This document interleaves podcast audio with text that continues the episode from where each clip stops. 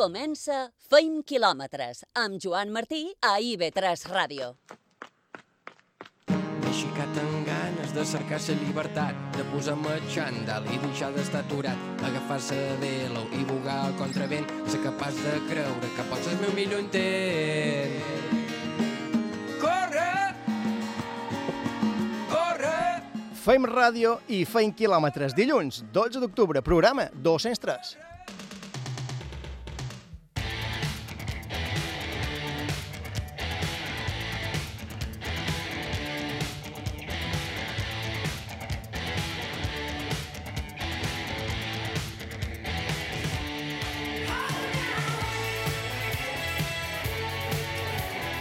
El mal temps havia impedit la setmana passada José Manuel López dur a terme el projecte solidari d'enllaçar Menorca, Mallorca i Cabrera nedant, però aquest contratemps no ha estat excusa per abandonar-lo. L'alternativa ha estat nedar tres maratons en dies alternatius, 126 quilòmetres en tres dies. Ens ho contarà avui aquí al programa. Xisca Tous ha finalitzat aquest dissabte la 24a posició en la final Elite Woman de la Copa del Món de Triatló que s'ha disputat a la regió de Canigione, a Cerdanya. No ha estat la millor participació de la triatleta artananca. Parlarem també amb ella. Miguel Ángel Fidalgo, i Maria de Lluc Gascunyana s'han adjudicat el Campionat de Balears Absolut de Triatló, disputat a Camp de Mà aquest diumenge. A més, els dos van creuar la línia de meta a més de dos minuts del segon. Parlarem amb el campió i la campiona.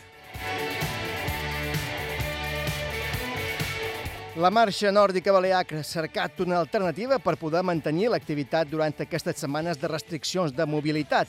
Per, per això ha sorgit el circuit virtual de marxa nòrdica. En què consisteix? Ens ho explicarà Edu Gavinyó, responsable del comitè de marxa nòrdica a la Federació Balear de Muntanyisme i Escalada.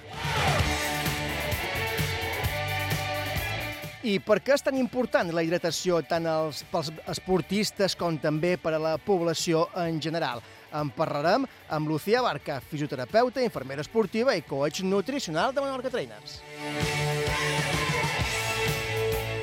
I ens endinsarem avui, per acabar el programa, al món de l'skate. Esport i vida, quilòmetres i quilòmetres de llibertat i rebel·lia d'un esport que ja és modalitat olímpica. Serà aquesta, avui, la proposta de Carlos Sunyer.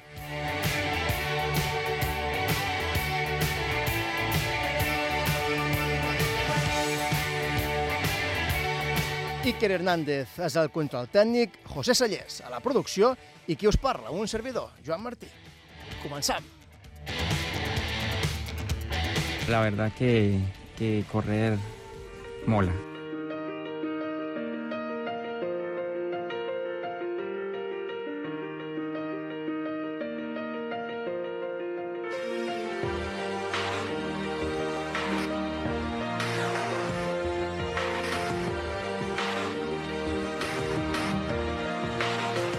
Yeah, you can be the greatest, you can be the best, you can be the King Kong banging on your chest. You could beat the world, you could beat the war. You can talk to God, go banging on his door. You can throw your hands up, you can beat the clock. You can move a mountain, you can break rocks.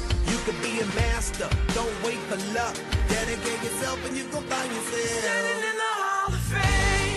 Ho explicàvem i comentàvem ara en sumaris. El mal temps ha obligat a José Manuel López a modificar el projecte solidari Brazadas que Alimenten. La idea inicial era creuar nedant els 140 quilòmetres que uneixen Menorca, Mallorca i Cabrera.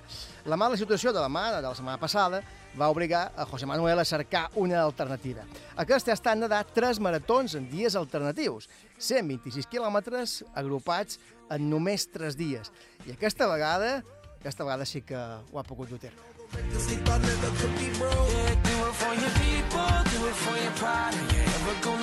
José Manuel López, bon vespre. Com ¿Qué estàs? tal? ¿Cómo estamos? Benvingut al programa. Muchísimas gracias. Benvingut a 20 quilòmetres, tres maratons en tres dies. Oh, Fein kilómetros. N'has fet molts, no? Com ha estat pero, això? Bueno, ha sido una aventura impresionante y si bien yo soy un apasionado de, de la ultradistancia y del mar, pues juntar todo eso ha sido una maravilla, ¿no? Y dar brazada tras brazada por, por esta buena causa de, de conseguir alimentos para las personas que lo necesitan, pues una maravilla. Clar, perquè la idea inicial era poder dur a terme aquesta, aquesta ruta, no? Menorca, Sí. Mallorca i enllaçar després a, en Cabrera. Això queda Exacte. pendent per un altre any o substitueix Sí, sí, aquest sí. repte No, amb no, aquell no, altre? no, Te no. quedes sense espineta. Sí, yo creo que es un proyecto muy bonito el de unir las tres islas y si no hacemos eso será algo parecido, eh, por lo menos tendrá ese nivel. Però sí que volies fer alguna cosa en guany i ha estat Sí, aquesta de exacto. les tres maratons eh, en tres dies. Va comen vas començar dijous, crec Sí. que va ser el primer dia. Com, com va Sí, ser sí. aquest primer dia? Quina ruta va ser i com, quines van ser les sessions? Es- ha sido muy difícil escoger el, el lugar y los tiempos, porque bueno, lo de Menorca no teníamos esa ventana de, de buen tiempo y, y por causa de, de la pandemia y todo esto, pues ha habido mucha dificultad para entrenar y, bueno, de hecho lo tenemos ¿no? en el día a día, todos los atletas de alto rendimiento que, necesitan espacios y, tiempo, pues no, no lo tienen, ¿no? Muchos. Entonces lo tuvimos que ir retrasando y ya, ya no podía ser. Y bueno, esta primera maratón eh, la hicimos saliendo desde el Caló de Sant Antoni, en, en Llumayor, y bueno, dirección Calablava, hicimos bueno, unos circuitos de 5 kilómetros de ida y 5 de vuelta. Y bueno, encontramos bastante, bastante buena mar. Clar, i crec que aquesta ruta o aquestes Mm. tres maratons no els has fetes tot sol, aquesta vegada tampoc. Has No, tingut no, no. companyia del vicepresident d'Impossible 365, no? Uh, que José Elías, què tal? Bon vespre, benvingut també a Fent Quilòmetres. Benvingut, Javier gràcies. Elías, Javier, Javier. Elías. Uh, tu anaves amb el com, com heu fet en això? Sí, uh, la veritat és que nosaltres anàvem uh, acompanyant-lo en, en so callar perquè li han de donar sempre suport, uh, perquè li han de fer un poquet de, de guia, perquè ell, pues, uh, a dit la mà és molt complicat pues, mantenir una línia recta i aleshores pues, nosaltres anàvem marcant una miqueta i donar més visibilitat perquè hi havia bastant de, de vaixells tots aquests dies, aleshores pues, uh, necessita pues, que qualcú vagi un poquet davant i faci aquesta visibilitat. I a part, pues, donar-li també es, es, les barres energètiques, el menjar, la beguda i, evidentment, pues, eh, procurar que no li passi res i que tot arribi a bon port. Clar, eh, que José Manuel, perquè sense una persona com en Javier no podries dur a terme una, un, una, una idea així, no? Vull dir, Mm, A mí me gusta eh, hacer eh, retos en solitario para no tener que molestar ¿no? a, a nadie, ¿no? Pero sí que es verdad que cuando ya uno hace estas cosas grandes eh, es imprescindible un, un equipo detrás, ¿no? Y bueno, han habido pues como seis eh, remeros que se han ido que se han ido relevando y bueno, todo un equipo de soporte importante, es imprescindible. Mhm. Y más en el mar así Clar, com ha estat la mà aquests dies? Bueno, hoy, por ejemplo, hemos tenido muy buena mar. Bueno, he ido saliendo a las Perquè, 4 de clar, la mañana. sigui, dius, dius avui, av- avui has fet 45 quilòmetres de la mà, avui ha estat el darrer dia, no? Sí, bueno, hace unas horas que he acabado y se me cierran los ojos. Igual si me... Encara te dormiràs en directe, aquí. Y, y bueno, ha sido realmente lo que decía antes, ¿no? Mm, Ha sido apasionante porque también he podido entrenar otras cosas que, que necesitaba y, y una de ellas es pues nadar por la noche, ¿no? Eh, es una cosa muy, pues, muy normal, ¿no? Nadar por la noche. no. pues eh, hay mucha gente que le, le da mucho respeto al mar, que siempre hay que tenerlo, pero cuando uno va a oscuras es eh, bueno se incrementa muchísimo más no, no eh, sobre todo los nadadores eh, tenemos temor a las medusas Clar. ¿no? y, y por la noche pues no, no se ven no y vas un poco eso a ciegas y es imprescindible que, que te guíe un, un kayak y, y bueno hemos tenido buena mar hasta media mañana que hoy hemos estado nadando en Magaluf y ha entrado mar de fondo y bueno, eso era un festival que y, bueno, no ha durado mucho, pero hemos tenido que tomar la determinación de buscar otra, otra cala que, que estuviese bien a cubierto. Y hemos acabado en, en- ¿cómo se llama la cala? San, Son Matías. Mm. En Son Matías y bueno, ha sido un acierto que porque allí estaba completamente I, plano. i, I durant aquests tres dies, eh, eh, Javier, hi ha, algun, hi ha hagut algun moment que vagis pensar, i haurem de dir que això no pot continuar, que, que s'ha d'aturar, que no... mm, Perquè, clar, un dia 45 quilòmetres a la mà, el mes d'octubre, dius, eh, ho durem a terme, però clar, fer-ho durant tres dies eh, és més complicat. Hi ha hagut algun moment en què hagis dit avui no poden sortir. Uh, més d'una vegada. La veritat és que quan va acabar el primer dia, eh, mos va passar un parell de fotos de com, de com tenia ses mans i estàvem superinflades, o sigui, mos varen fer creus de, de com podia seguir. Varen dir que va, és, és impossible, no?, que, que d'aquí dos dies així com té les mans, els, braços, les espaldes que les tenia rebentades, també una ferida que tenia el coll que li havia fet el neopreno de, de la sal i de tantes vegades de girar el coll per respirar, que ho tenia en camp viva, varen dir que va, no, no podrà continuar. Però bueno, Jo- José Manuel pues, és un home que sempre mos sorprèn, que davant les dificultats pues, se creix més i sempre acaba el que se proposa, o sigui que aquí estem perquè... Per Contaró. Eh? per Contaró. Sí, s'intenta. José Manuel, te veig aquesta ferida, que és una ferida, supos Sí. que te l'han vist algun, al, sí, algun sí, metge, perquè és una ferida... Clar, Una quan, infermera. quan, quan, quan tu veus que el neoprè te fa te- que, que te frega quin escoll i te produeix aquesta, aquesta ferida, no tens, no, no penses en desistir en cap moment. lo que siempre se busca es una, una solución. Y, y esa solución vino en forma de, de mi amigo Matías, que tenía un protector de, de silicona de cuello. Y hemos hecho un apaño hoy y hemos hecho los, bueno, todo, todas esas horas con, con un apósito, una crema y un collar protector. O sea que ha ido de maravilla. Comentaven que havien estat tres, tres maratons dins la mà en tres dies, però comentaves a- ara, eh, a micro tancat, que un dels moments més emotius va ser l'arribada a, la, a la catedral, no?, davant... Eh... Sí, porque eh, justamente, bueno, eh, vino, vinieron amigos a, recibirnos y todo, y estamos dando la vuelta, la vuelta a Mallorca nadando por etapas también, y vinieron, vinieron amigos allí, y alguno que decía, ay, tendría que haber venido, ¿eh? y, bueno, muy emotivo también, porque allí acabé, eh, cuando hice tres Ironman seguidos, también un proyecto muy bonito para la gente de la calle, pues acabé, acabé ahí en la catedral con, bueno, con unas olas que, que te saltaban ahí las piedras y todo, ¿no? Y, y bueno, era, era algo bonito. Mm, uh, uh, clar, mm, Javier, supos que emociona, no?, en aquest moments, Sí. quan, quan t'has nedat o has estat amb el caiac durant tres dies, has, la gent t'ha t'ha de ser un poc esfar, que obria eh, camí dins la mà perquè ell pogués, pogués nedar, no? que veure com la gent a la catedral eh, t'espera allà a peu de, de catedral, no? en el parc de la mà, que diguem, supos. Sí, sí. Eh, de- deu, deu ser motiu.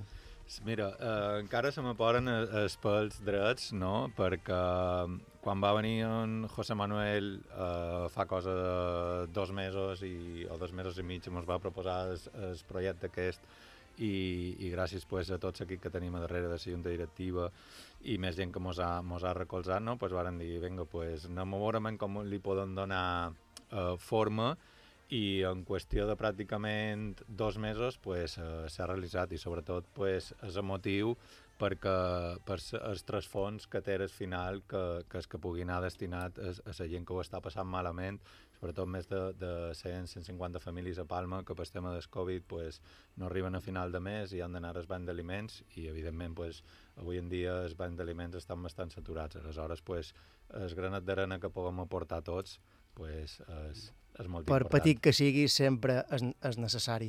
Uh, José Sallés, què, què te sembla? Mm, Tres, tres maratons uh, en tres dies, encara que sigui un, dos dies seguits amb un dia de descans enmig, una barbaritat, eh? Sí, i damunt per la causa, per la que ho fan. És a dir, no, no és fàcil i té un mèrit increïble. Jo volia demanar-vos, eh, sobretot en Mm. José Manuel, si, si quan has acabat aquest tercer marató tens la sensació de que t'has llevat mentalment eh, un pes de damunt, perquè ho vas tenir que plaçar o jornat la setmana passada i, i clar, quan estàs dins aigua, dins ho he d'acabar, ho he d'acabar, ho he d'acabar, amb la mà la mà, quan ha començat a ploure i de més, si sents que t'has llevat un pes de damunt. Eh, sí, pero como estamos siempre, incluso mientras estamos en ese proyecto y estamos ahí peleando, pa, pa, abrazada tras abrazada, estamos pensando ya en, en lo siguiente.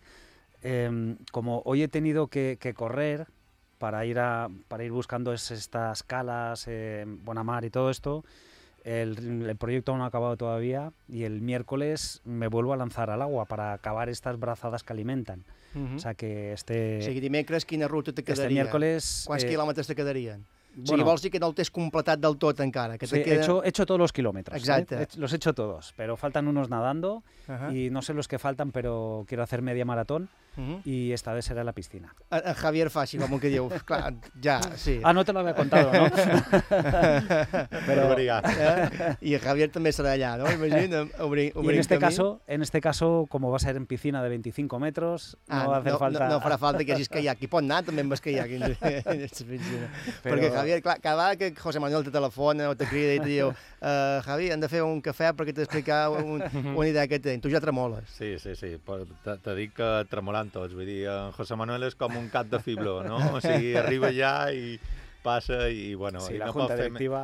no pot fer més que, que dir que sí, perquè ara aquest home pues, és molt difícil dir-li que no i, bueno, pues, sobretot quan hi ha eh, projectes tan, tan bonics i tan... El repte és un al·licient en si mateix, però quan darrere el repte hi ha una causa benèfica i solidària, supos que és el que també alimenta no? aquesta força dins, dins aigua. Uh, José Manuel López, moltes gràcies per, per haver estat aquí, per aquest tipus Sí, d'iniciatives que promocionen aquest tipus d'esports i que sempre tenen, uh, una, en el teu cas, un, una causa uh, solidària. I gràcies també, uh, Javier Elias, per haver estat aquí a fent quilòmetres, en aquest cas com a vicepresident de, de la Fundació i també com a company i guia dins la mà de José Manuel. Sí que, sí que nos gustaría que, que la gente fuese partícipe de este, de este proyecto y pudiese entrar en la página web eh, a impossible365.com y allí, bueno, allí pueden aportar eh, con 5 euros ayudar a, a las personas a tener alimentos. Aquí, queda dit. Moltes gràcies a tots dos Moltes haver gràcies estat a aquí. vosaltres. Gràcies. Visca fent quilòmetres!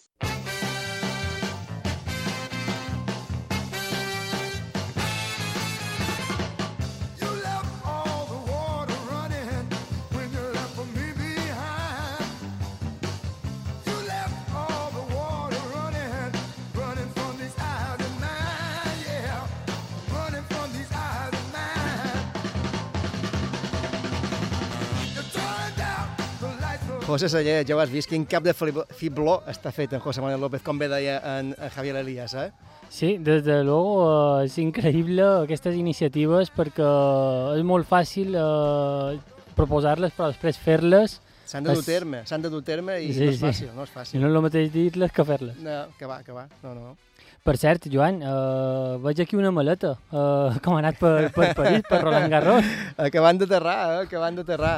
Molt bé, molt bé, José, ja ho has vist, fantàstic. Han Eh? tornat, han tornat eh, en sa copa. Eh? Això, això no, l'important. ell, ell. Sí, sí, que... això anava a dir, la copa no la veig, la maleta sí. um, però anava a dir, uh, has pogut anar a córrer per París? La gran pregunta que mos feim tots. La veritat és que sí. Sí? Sí, sí, sí, sí. Mira, el mateix dia de la final de Roland Garros entre en Rafael Nadal i en Djokovic, o sigui, ahir vam poder sortir a córrer per, per París una estona i fantàstic, vam agafar forces per poder després anar a cobrir com havia de ser la final. Poden dir, sí? que, poden dir que feim quilòmetres ja és internacional. Perquè Feint també feim quilòmetres és per París, internacional.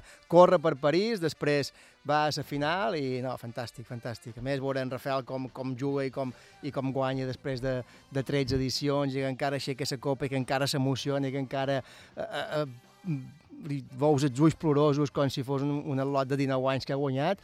Eh, es- va, va realment la pena i enhorabona per ell i, i és que han cobert la notícia, m'ho han, han passat molt bé perquè sempre, sempre és interessant i sempre és un gust cobrir aquest tipus de notícies que són que, que per l'esport eh, te fan vibrar, no? Sí, sí, és, aquest, aquest tipus d'alegries aquest mesos molt, venen molt bé a tots. Eh? sí, la veritat és que sí. Uh, no ha estat l'única alegria la d'en Rafael, perquè hi ha hagut altra gent que, que també s'ha- també s'han duit alegries, no? Sí, per exemple, Miguel Ángel Fidalgo i Maria de Lluc Gascunyana s'han proclamat campions de Balears de triatló sprint a camp de mà. Fidalgo va aturar el cronòmetre en 1 hora i 38 segons, mentre que Maria de Lluc ho va fer en 1 hora, 11 minuts i 17 segons. déu nhi I Xiscatous també acaba, per cert, en la posició 24, en aquest cas en el Mundial de triatló a Itàlia. Sí, la triatleta artenenca va completar la prova d'Elite Woman amb un temps d'una hora, 5 minuts i 20 segons. La guanyadora de, de la prova va ser la bermudiana Flora Duffy amb una hora i 53 segons. I més Balears a Itàlia, perquè Albert Torres comença ja la segona setmana de Giro. I de moment ho fa com a 148 a la classificació general que lidera el portuguès Joao Almeida. Avui hi ha hagut jornada de descans, però demà se reprendrà el Giro amb la desena etapa entre l'Anciano i Tortoreto. I aquest cap de setmana s'ha celebrat el, el 24 míting d'atletisme eh, aquí, també a les Illes Balears. I ha deixat diversos noms propis. Laura Redó eh, s'ha fet amb els 600 metres femení amb un temps de 1.40-42 i Lluís Fullana ha fet el mateix amb els 1.000 metres masculí amb un temps de 2.41.06. Això, com dèiem, ha estat en el 24 míting d'atletisme d'aquí de les Illes Balears. Fem una aturada per la publicitat i, tornant tot d'una, parlarem amb el nedador Joan Lluís Pons quan falten pràcticament res, 9 mesos, perquè si tot va bé, confiem que aquesta vegada sí arribin als Jocs Olímpics de Tòquio. If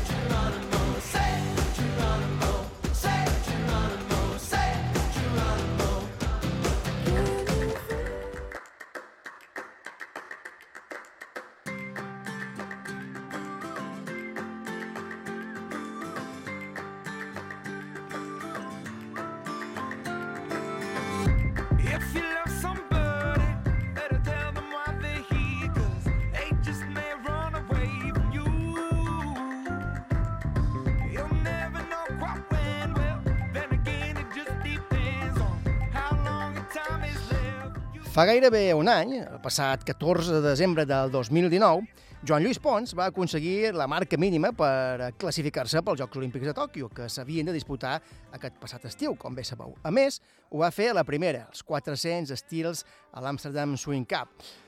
Però quatre mesos després, per març, va arribar la pandèmia i després de l'ajornament de, dels Jocs, la Federació Espanyola ha decidit anul·lar les marques aconseguides l'any passat i modificar d'aquesta manera els criteris classificatoris. Per tant, els sis nedadors que s'havien classificat per la cita olímpica han de tornar eh, a fer-ho.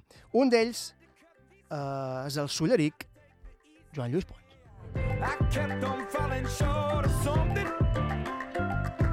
Joan Lluís Pons, bon vespre i benvingut a Fent Quilòmetres.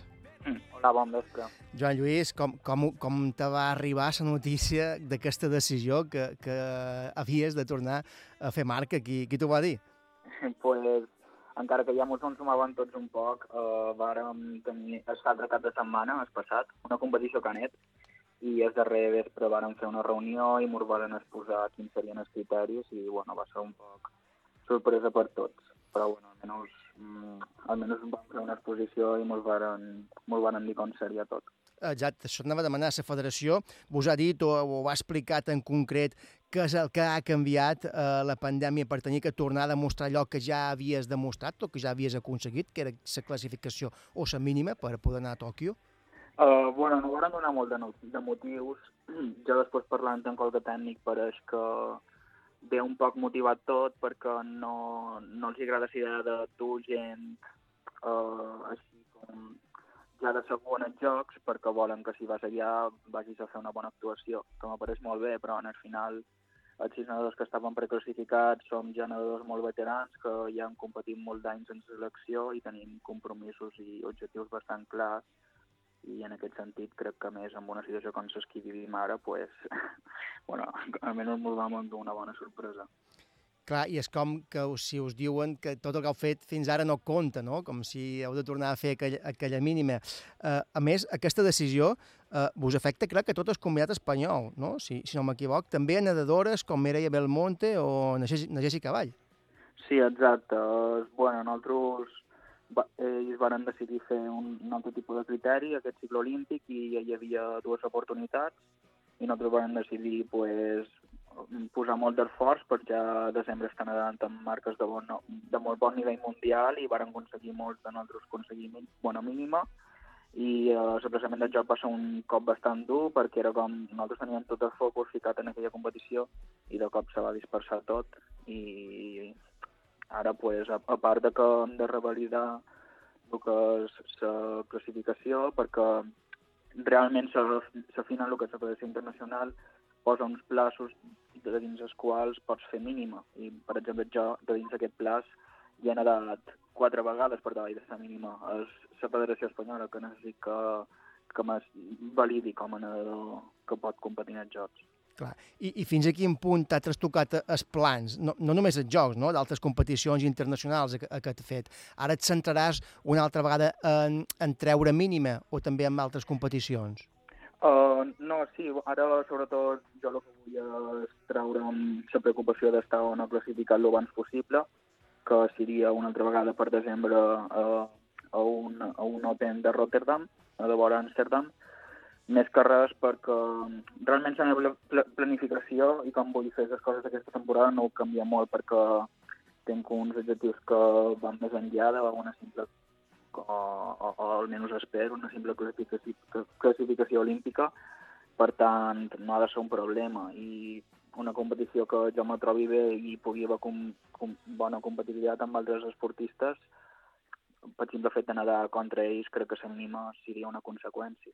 Clar. Ara bé, fa estar més preocupat perquè no només que jo pugui donar positiu en coronavirus, sinó que algú del meu entorn farà que jo hagi de fer una quarantena de 10 dies i això me pot afectar I bastant. això sí que trastocaria ja tots els a plans. participar o, o, o perdre entrenos i perdre molt, molta forma. Clar. I això sí que és una cosa que mos preocupa més. Si, si no m'equivoc, tu has nedat ja en diverses ocasions per davall de la teva mínima exigida en els Jocs de, de Tòquio. A- a- Exacte. En aquest sentit, et tranquil·litza una mica eh, de cara a la classificació?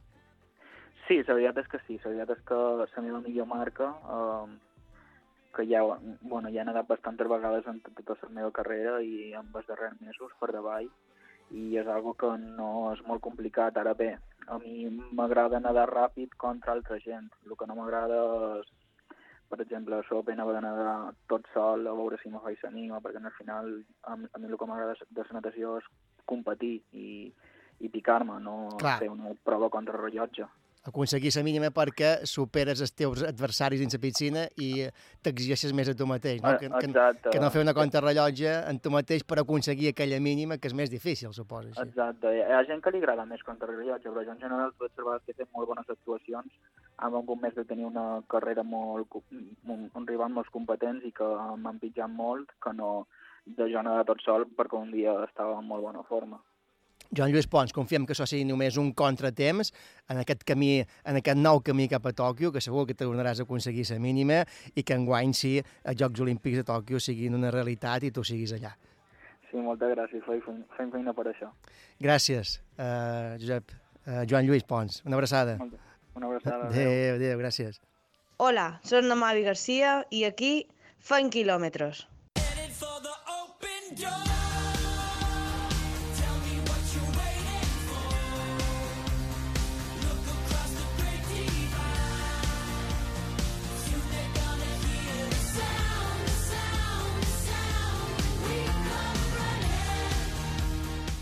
I deixam eh, la piscina i agafam la bicicleta perquè aquest dissabte és com una triatló, això també la mallorquina Xisca Tous ha participat al Mundial de Triatló que s'ha celebrat, ho dèiem abans, a l'illa de Cerdanya, a Itàlia. La triatleta d'Artà ha format part de la delegació espanyola a la categoria Elite Women, juntament amb Anna Godoy, Sara Pérez i Míriam Casillas. Xisca, bon vespre i benvinguda una vegada més a 20 quilòmetres. Hola, bon vespre. Com estàs? Molt bé. Um, sentíem ara en Joan Pons com intentarà aconseguir aquesta classificació. Uh, escolta, qui, quin balanç fas d'aquests dies uh, a Itàlia? Bueno, pues, bueno, balanç és bo, anem agafant ritme de competició aquesta temporada típica, no? El que passa que, bueno, nosaltres no sé molt bé com ho tenen, nosaltres tenim eh, tots els punts de rànquing mundial i rànquing olímpic congelat fins al 2021, però eh, la gent segueix competint perquè jo crec que un any sense fora competir pues, al final perds l'essència, no? I, I necessites aquest punt de competició que no te donen els entrenaments. Clar, parlàvem amb en Joan Lluís Pons, eh, eh, la federació els ha, els ha trastocat els plans perquè s'hauran de donar les mínimes. En el vostre cas, us mantenen els punts que ja havíeu aconseguit, no? Bueno, en el nostre cas, pues, se mantén tot igual fins a, bueno, fins a desembre de 2019, de d'enguany sí que competició, el que passa que per rànquing mundial i rànquing olímpic no compta, se suposa que ara a partir de gener eh, tornarà a començar a puntuar tot, més que res perquè hi ha hagut països que no han pogut viatjar i era com una mica injust per a tots. Que no sé molt bé com, ni quan començarà ni quan acabarà ara el cicle olímpic, perquè eh, havia d'acabar a maig, però pareix ser que l'any que ve, de moment, la primera competició és per maig, així que no sé si aniran sortint competicions ara al llarg d'aquests mesos o, o si canviaran qualque cosa. tornant a la competició de aquest de setmana, Arzacena, eh, parties amb un objectiu classificatori concret, quedar entre les 10, les 20, eh, les 20 primeres, o simplement agafar experiència, seguir acumulant eh, hores i continuar aprenent, o, tenies, o ja volies marcar-te una... Ja t'havies marcat una classificació aquí, ja tenies una meta. Bueno, no teníem classificació marcada, però sí que volíem fer bona carrera, eh, mirar ritmes que sortissin bé eh, i que sortim, vagin començant a sortir eh, bé les competicions i els ritmes que, que hem entrenat fins ara. Sí que és vera que mm, darrerament hi ha bastant de nivell en aquestes darreres competicions, ja que és l'únic que hi ha i tota la gent que hi pot anar hi va. I crec que un top 30 pues, sempre és bon resultat en aquestes competicions. Quin, um, quin creus que va ser el moment de la prova que, que vagi ser clau per, per bé o per, o per malament en aquest cas? Bueno, eh, aquesta competició pues, era una competició marcada pel sector de bicicleta, però sí que és vera que també el sector de cursa a peu no era gens pla i jo crec que va ser una competició bastant marcada, sobretot a nivell mental, de saber sortir en els moments clau. I, bueno, eh, era una competició de distància sprint que crec que m'ha un poc millor la distància olímpica, però és el que hi ha ara i ho hem d'aprofitar. Mm. A nivell personal, eh, què has après en aquest Mundial? Sempre aprens Bueno, una miqueta, eh, no? Eh, Aquesta Copa del Món, pues, jo crec que... La Copa, la Copa del Món, sí, en aquesta prova. Bueno, eh, com a experiència, experiència molt bona, ja que les top 5 del nivell mundial hi eren totes, o pràcticament els top 10. Uh, competició a bastant nivell i, bueno, uh, vam fer un bon sector de natació, el sector de ciclisme també era un sector bastant dur i vam poder comptar i la cursa a peu, pues, sí que crec que estic per córrer més ràpid del que va sortir, però ja t'he dit, com tampoc és un circuit massa ràpid, mm, crec que podem estar contents. Uh, ara es pot ser en repte, quina és? Copa d'Europa a Barcelona? O hi ha alguna Eh, cosa abans? Sí, ara d'aquí dues setmanes hi ha Copa d'Europa a Barcelona i d'aquí quatre Copa del Món a València i crec que ja la darrera seria una Copa d'Europa que hi ha a Portugal el mes de novembre, però falta que se confirmi si, si és 100% que va endavant o no. Xiscatous, de tots se n'aprèn i d'aquesta Copa del Món eh, Arzacena també segurament que n'has tret experiències positives. Confiem que te vagi molt bé en aquesta Copa d'Europa que vindrà ara i te seguim de prop, com sempre. Moltes gràcies. Gràcies a tu, Xisca, una abraçada. Adéu. Adéu. Hola, som en Mario Mola i aquí faim quilòmetres. Well,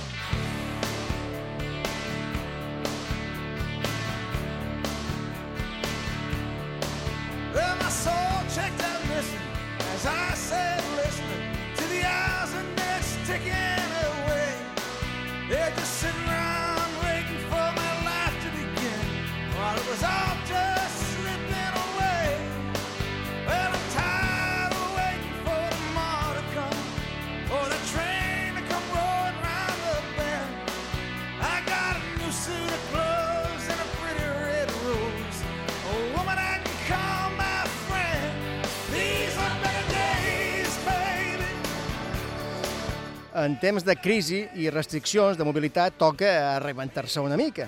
Per això, la Federació Balear de Muntanyisme i Escalada ha organitzat el circuit virtual de marxa nòrdica. Consisteix en completar sobre el terreny una sèrie de recorreguts proposats pels clubs, si no m'equivoc, en el menor temps possible. Edu Gavinyo és el responsable del comitè de marxa nòrdica a la Federació Balear de Muntanyisme i Escalada. Edu, bon vespre, benvingut una vegada més a Fent Quilòmetres també. Bon vespre, com estàu? Salutacions a tothom. Què tal? Com, com va sorgir aquesta, aquesta iniciativa? Crec que heu fet una prova ja, no?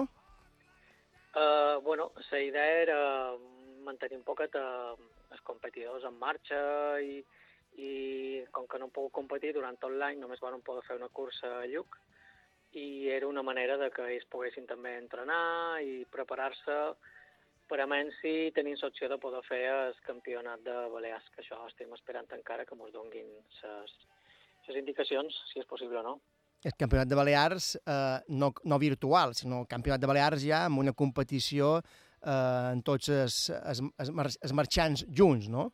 Sí, els marxadors. Aquesta, aquesta és idea, estem treballant per això, entonces, bé, intentant mantenir, estem fent un estudi dels protocols perquè tot pugui, pugui dur-se a terme i, i esperar amb notícies de, bueno, de, de l'Ajuntament de Palma en aquest cas perquè mos, mos dongui l'opció de, de poder fer-ho.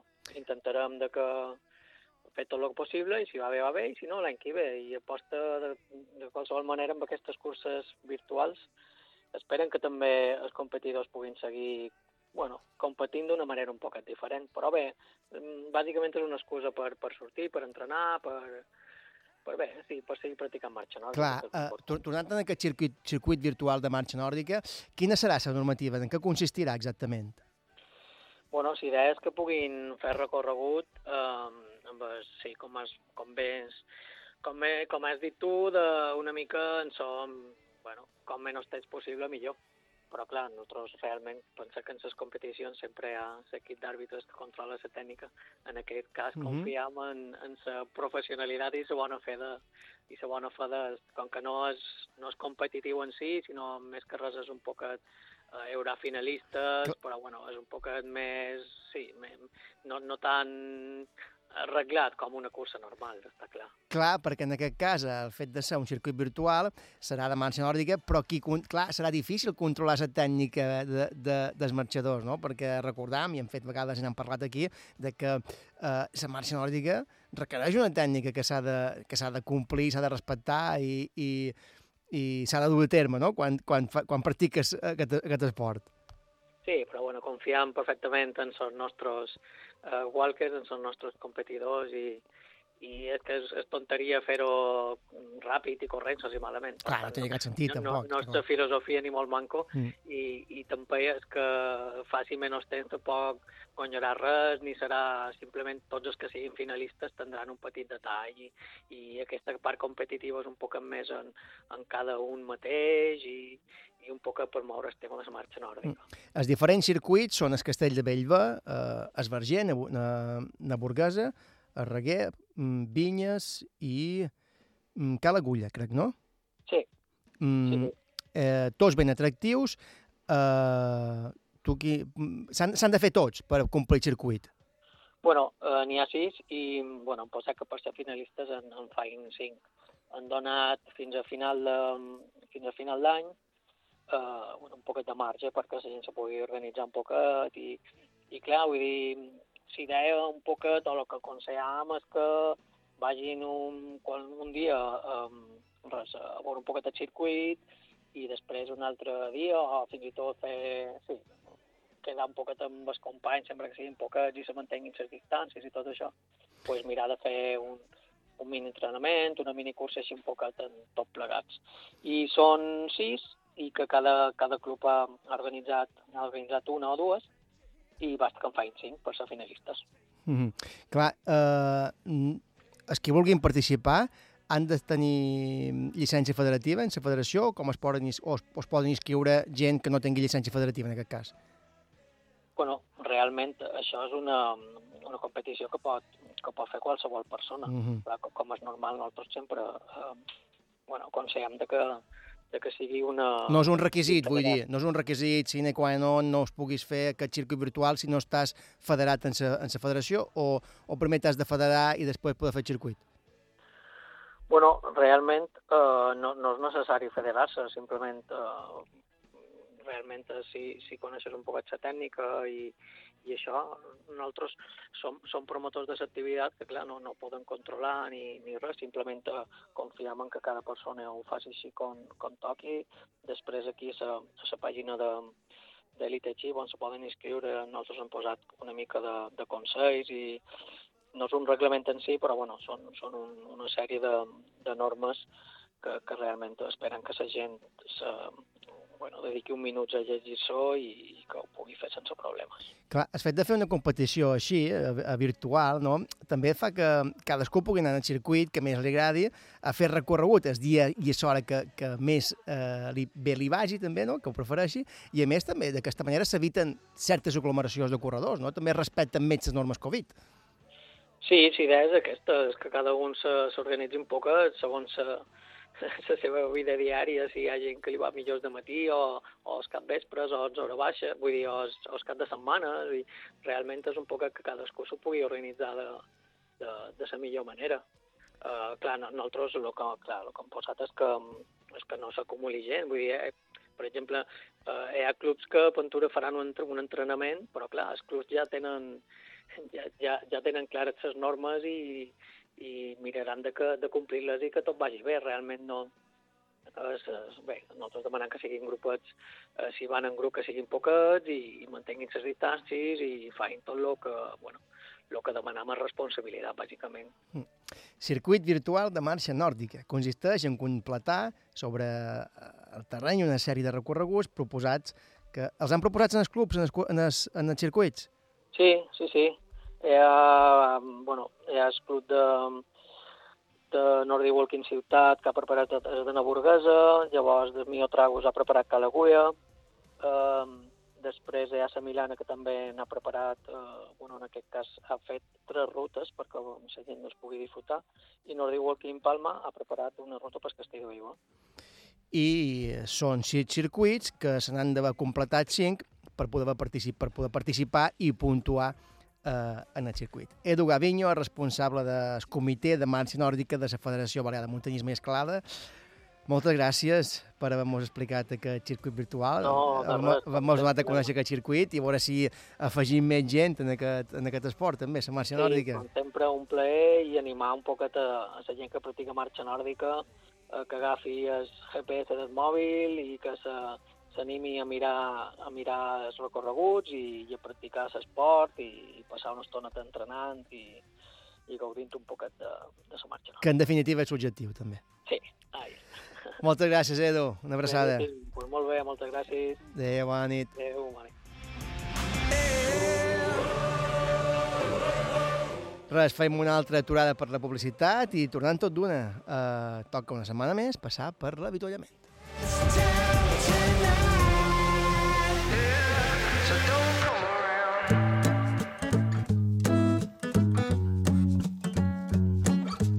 L'avituallament.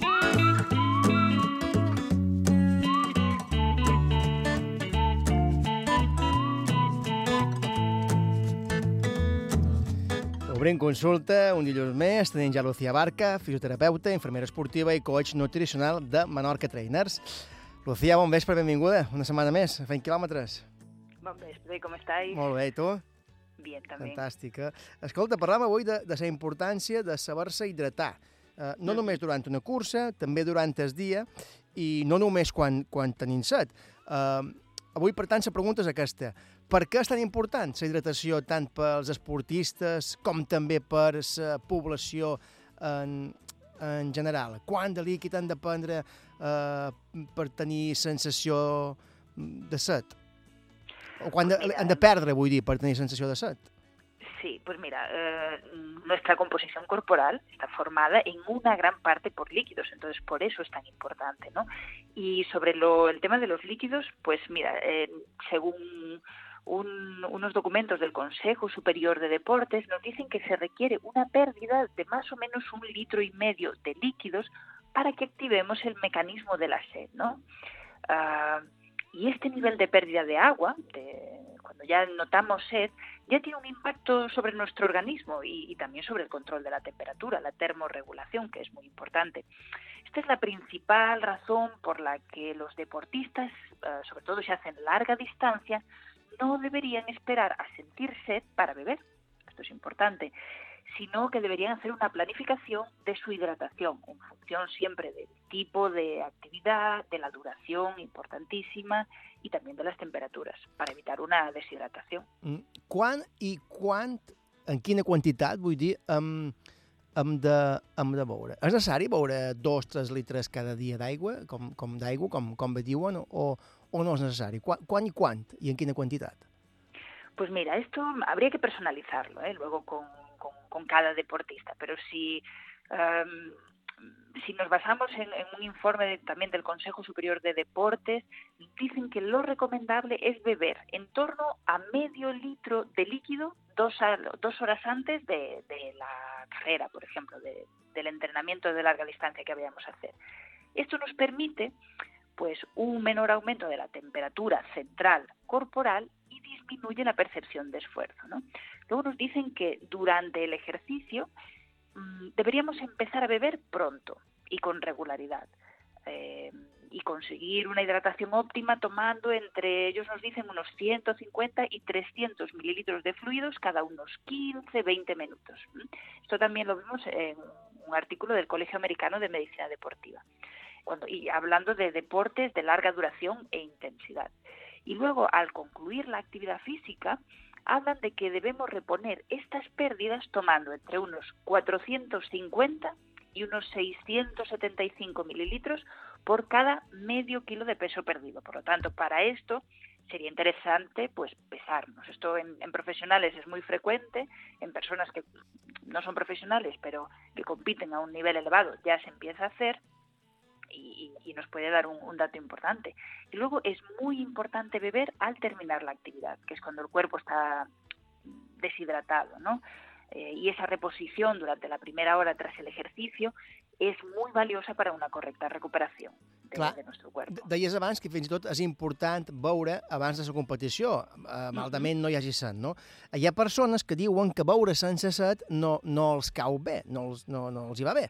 Eh, què, què han de fer en, a- en aquests casos?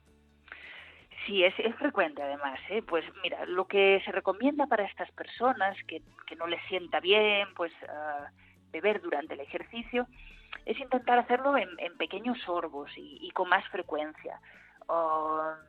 Cada persona tiene que encontrar su pauta, pero lo que es, eh, lo que es indudable es que si sudamos y si, hacemos un esfuerzo tenemos que rehidratarnos.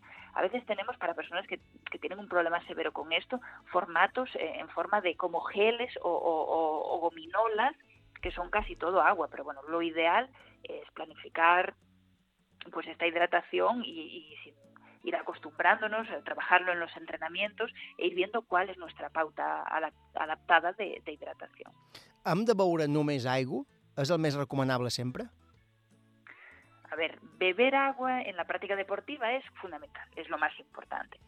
Pero en función de la actividad también es aconsejable reponer la pérdida de electrolitos. Am, es importante concienciar al deportista aficionado, sobre todo, para que consuma de vez en cuando bebidas isotónicas, sobre todo cuando hablamos ah, de ejercicio intenso y prolongado de, por ejemplo, larga distancia. ¿no? En este caso sería importantísimo. I, I si corre 4 o 5 quilòmetres, és a dir, distàncies més curtes, o si l'entrenament és, és, és més suau, també?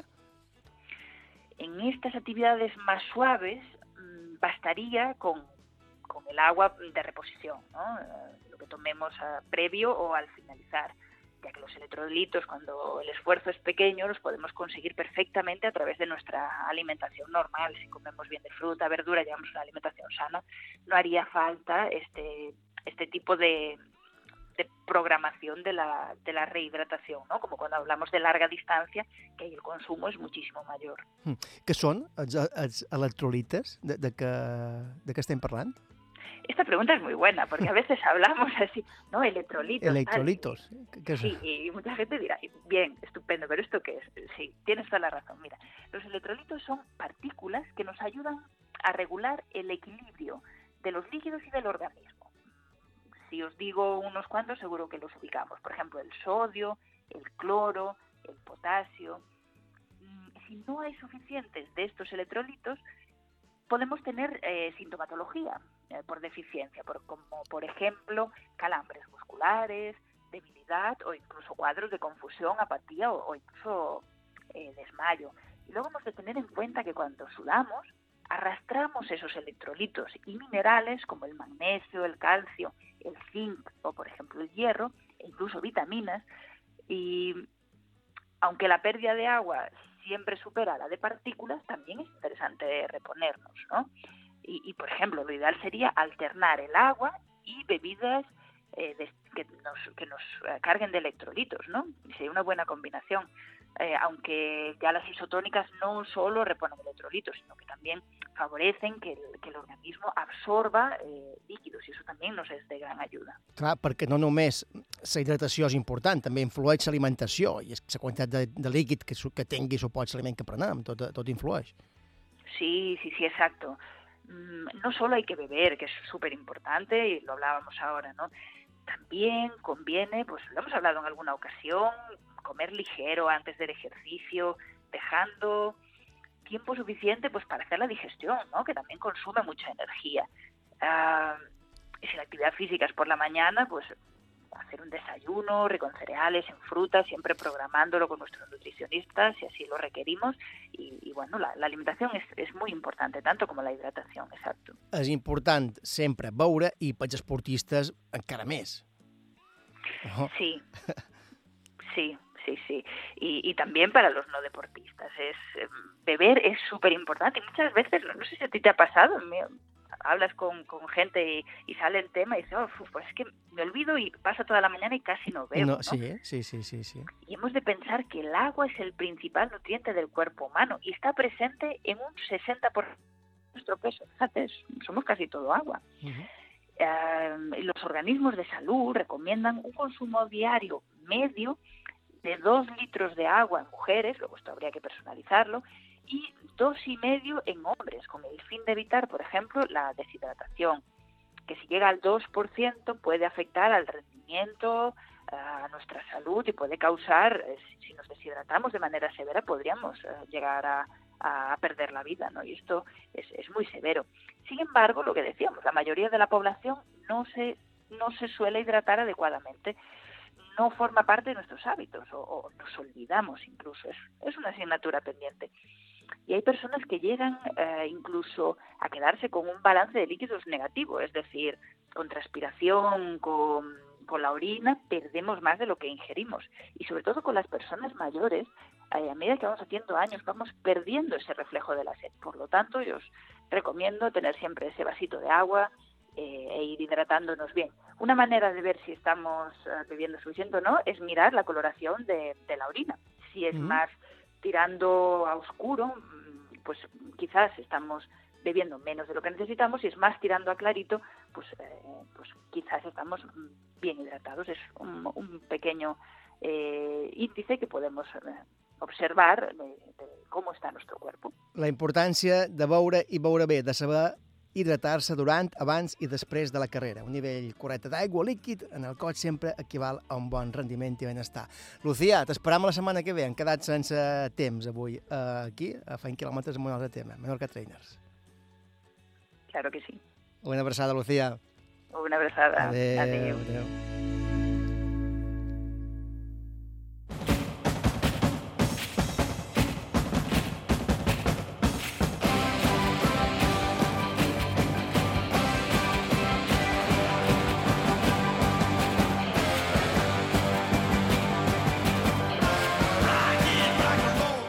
Les notícies i tornem.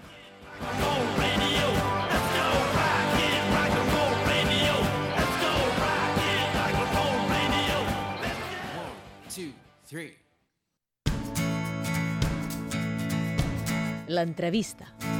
We can see the world through open eyes and savor all the time before it flies. And every time you wake up, there's a new day calling out your name. Come join the game. Well, that's life. Take what comes along the way. That's love. Let it grow stronger every day. There's joy. As the days go passing by, there's hope. A better life for you and I. Take our dreams and fly. Together we can try. That's life. Aquest cap de setmana s'ha disputat a Camp de Mà, Andratx, el Campionat de Balears de Triatló Sprint. La prova ha estat formada per tres parts, 750 metres de natació, 20 quilòmetres de ciclisme i 5 quilòmetres de correpeu. El guanyador de la modalitat masculina ha estat un vell conegut, Miguel Ángel Fidalgo, que ha aturat el cronòmetre en 1 hora i 38 segons. Miguel Ángel, bon vespre i benvingut a Fent Quilòmetres. Hola, què tal? Com Bon estàs? vespre. Va bé, va, Va bé. Com, com han estat aquestes eh, 24 hores posteriors a la victòria? Bé, bé, pues bé, algo raro, perquè ja se, ja s'ha fet raro després, no sé, d'un any, pues de tindre un poc la ressaca després d'una competició, però bé, eh, recordant sensacions de com era Ha estat, ha estat aquesta la primera competició que has pogut fer després del confinament i després de tot, o ja havies participat en, eh, en altres? No, no, jo no, jo no he fet res, eh, no he fet res, no, no, no he fet res, que va, que va. Era la primera, campionat de Balears. Com, com t'has sentit? Com t'has trobat? Quines han estat les sensacions? Bé, molt bé, una mica amb l'incertesa de, de què és el que has fet en aquest estiu, si ha sigut una mica necessari, què és el que ha fet l'altra gent, i, i res, la veritat és que no puc demanar més, no puc demanar més, perquè a més el dia va ser una mica dur, diguem, per la pluja i tal, i el circuit era dur, així que te la jugaves un poc, pues, perquè jo no, no, no he competit res, però la gent jo crec que no, mm, tampoc ha competit molt, lo millor més que jo, i clar, eh, estàs que no, no saps com funcionarà. Mm, això t'anava a demanar, la meteorologia d'ahir no, mm, va dificultar, en certa manera, bastant la cursa, no? Exacte, eh, m'imagino que com tothom pues, estava present de... Bueno, estava pendent del, de, de la previsió i, i el que era la pluja del dissabte a les 5 pues, va començar a demorar-se, a demorar-se, a demorar-se i justament va començar el diumenge eh, 15 minuts abans de, de, de, de que comencés el triatló i, jo crec que la pitjor, la pitjor part va, va, va passar al sector de ciclisme. Miguel Ángel, eh, has corregut moltíssims de triatlós, eh, tu has molta, tens molta, molta experiència. Eh, quan participes en un triatló, sigui campionat de Balears o sigui campionat d'Espanya o sigui popular o sigui el que sigui, sempre, sempre corres en la mateixa estratègia o vaig seguir o segueixes diferents estratègies per cada, per cada, per cada prova? No, bueno, eh, la realitat és que si surt a les Balears a nivell espanyol o, o d'on fora, la realitat és que, per exemple, la meva natació passa de ser una natació d'estar davant a lluitar per estar endavant. Mm -hmm. I això pues, ja condiciona. Jo, per exemple, aquí en Balears pues, puc sortir sempre, bueno, a veure el que me dura, des de Mhm. luego, però amb poca gent i, clar, ja eh, diguem que condiciona ser una cursa totalment regressiva. I en canvi, en les altres competicions, quan estic fora, també s'ha de puntualitzar en què tipus de com competició és, eh, si és llarga distància i tal. Però diguem que en les altres competicions pues, sempre hi ha gent que ha sortit davant i pues, me toca remuntar i ja intentes pensar una mica, planificar més com, com fas la cursa, encara que sempre vas a tope. Però vamos, sí que és veritat que aquí a Balears la majoria de curses i a peu també les faig de forma regressiva. Clar, en funció del nivell que hi ha en la cursa, en la prova, tu segueixes una estratègia, una tècnica o, o una altra per acabar eh, com més endavant de la Sí, classificació. exacte. mi- mi- Se- millor. Seria molt, molt raro trobar alguna persona que, per exemple, s'ha vist eh, la primera, quart o tercera part de la competició tot sol o amb un parell de persones endavant i no tiri amb tot el que té endavant. I això és el que per ara mateix, ara mateix, tal i com estan les coses, pues, és el que me, me passa, per exemple, a Balears. Mm. Miguel Ángel Fidalgo va guanyar en modalitat masculina, en modalitat femenina ho va fer Maria de Lluc Gascunyana, que va aturar el cronòmetre ni més ni manco que eh, en una hora i 11 minuts 17 segons, si no vaig equivocat. Maria, enhorabona i benvinguda també a Fent Quilòmetres. Hola, bon vespre, moltes gràcies. Com estàs? Com vas viure la cursa, tu?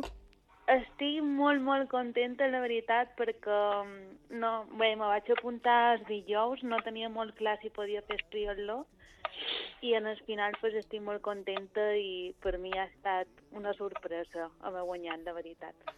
José, José Sallés, tenim Miguel Ángel Fidalgo, campió de Balears, Maria de Lluc Gascunyana, campiona de Balears, eh, dos grans eh, triatletes. Sí, no, no podem llevar-li segons quines coses perquè mos perseguirien i mos agafarien. Per tant, no, hi ha idees que millor no, no fer amb ells. Però jo volia demanar-li eh, a Maria de Lluc eh, quina part del triatló has dit que fins eh, dos o tres dies abans no tenies clar si podries participar. Quina part del triatló te, te va costar més o, o quina vas haver de treure forces d'on no n'hi havia per, per tirar endavant?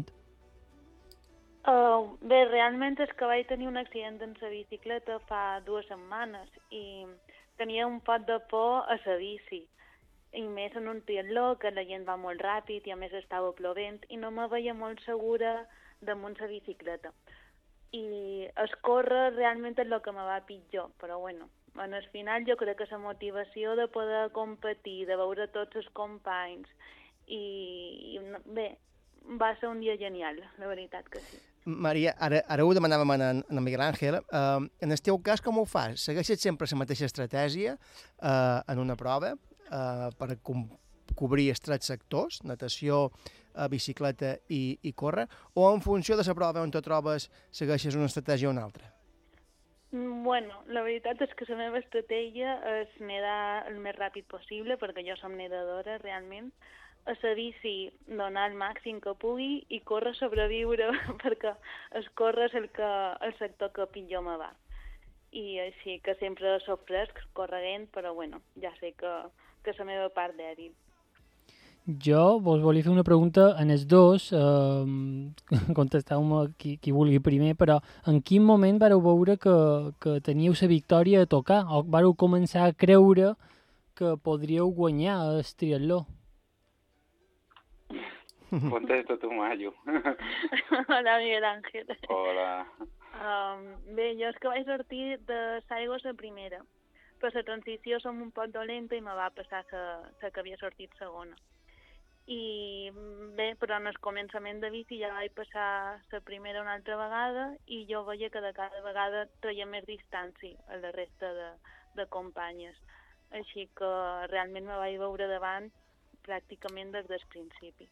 I, No i, m'ho creia, no m'ho creia, però me veia davant. I que fet, quan, eh, eh, Maria, quan, quan te veus davant eh, i vas més o manco a un bon ritme, això és una pressió afegida per quan vas davant, te veus davant eh, eh, o, o, o disfrutes la carrera jo més? vaig disfrutar molt i me va motivar molt. La veritat que sí, estava molt feliç.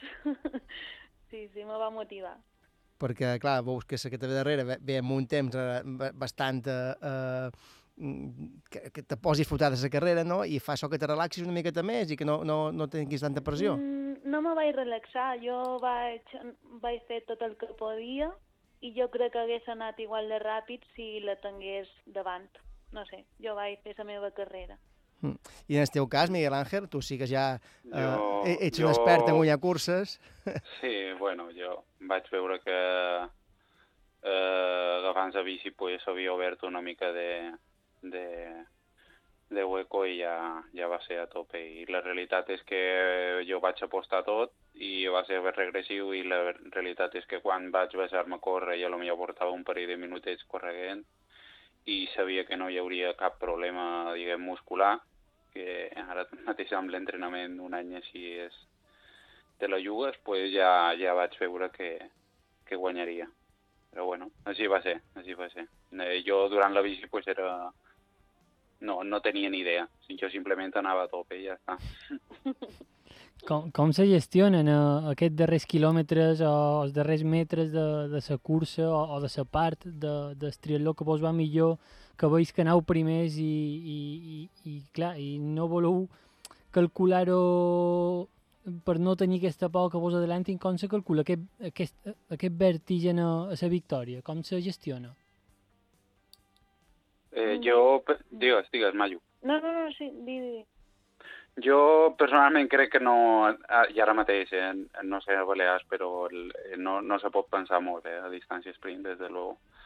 És, és una hora, però és pràcticament, no sé com dir-ho, com un 5.000 correguent. eh, No, sí que pots a lo millor pensar si arriba un moment, donat que veu alguna persona ja està i jugar-te el, lo que se diu l'esprint o sí, però des de luego no vas a tope. Sí que hi ha moments a lo millor en què veus pots fer prendre alguna decisió que pot ser molt determinant. Per exemple, 30 segons de sofriment a la bicicleta te poden portar al grup, però la resta no dona temps, eh, diguem, a, a fer molta tàctica a vegades. I en el teu cas, Maria? Bé, jo crec que no t'has de relaxar perquè és que te poden passar moltes coses. Principalment l'altre dia estava molt banyat i era molt fàcil resbalar-se. Clar. I ha- havies d'estar concentrat en, en anar el millor possible fins a la meta. I no relaxar-te si venia qualcú darrere o no. Simplement anar al màxim possible. En Miguel Ángel ho comentava abans al principi, eh, ell és la primera prova que fa des de, des de que van sortir del confinament, eh, hi, ha, hi ha hagut certs, alguns triatlons, és el primer que ell feia. Eh, Era la primera prova que feies tu o era la primera després del, del teu accident? Uh, no, sí, la primera de- d'enguany.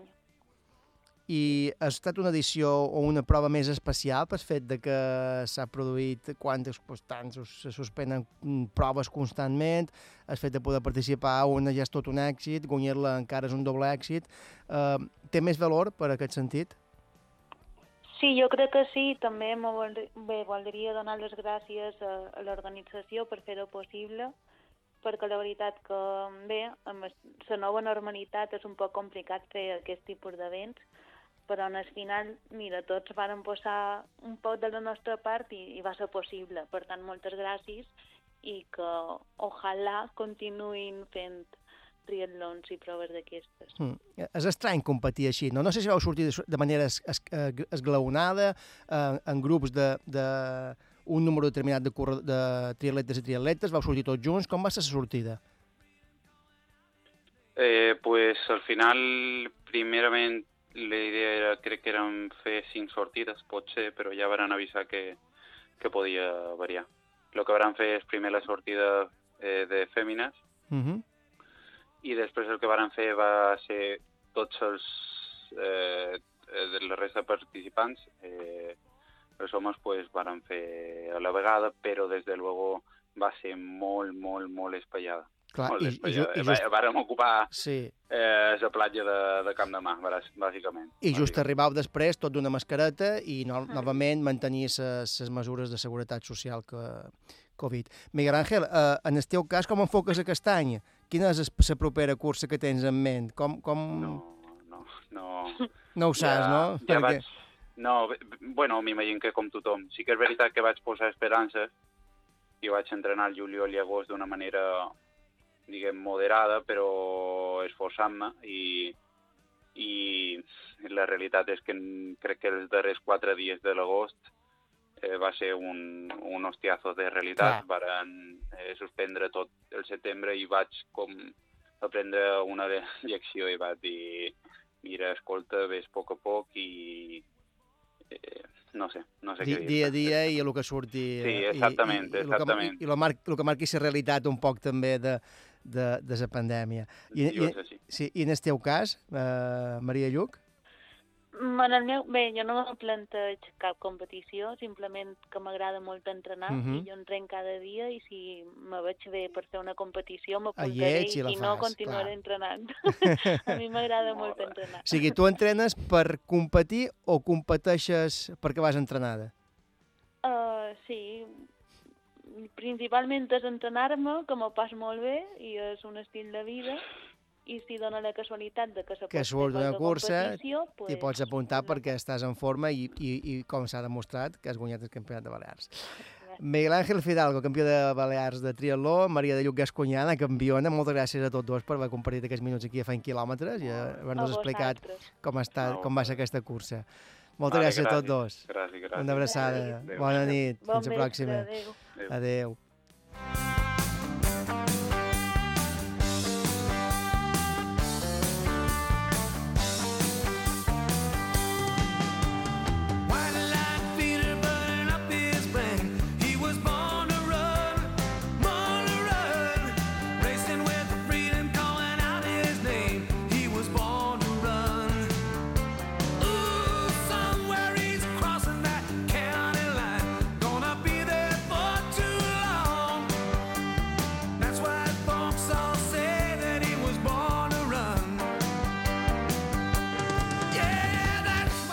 Tot d'una parrama en Carlos Sunyer, que avui ens parlarà d'una modalitat olímpica eh, recent, tot i que és antiga com a modalitat esportiva.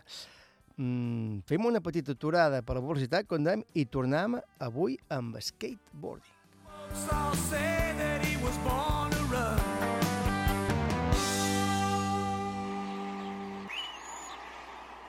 Montag, lieben, glauben, globen.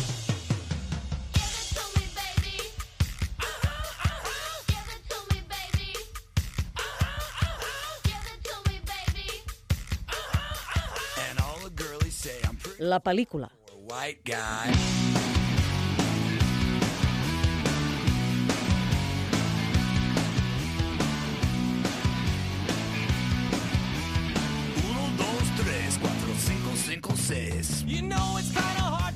La pel·lícula que, que mos muntem nosaltres, eh?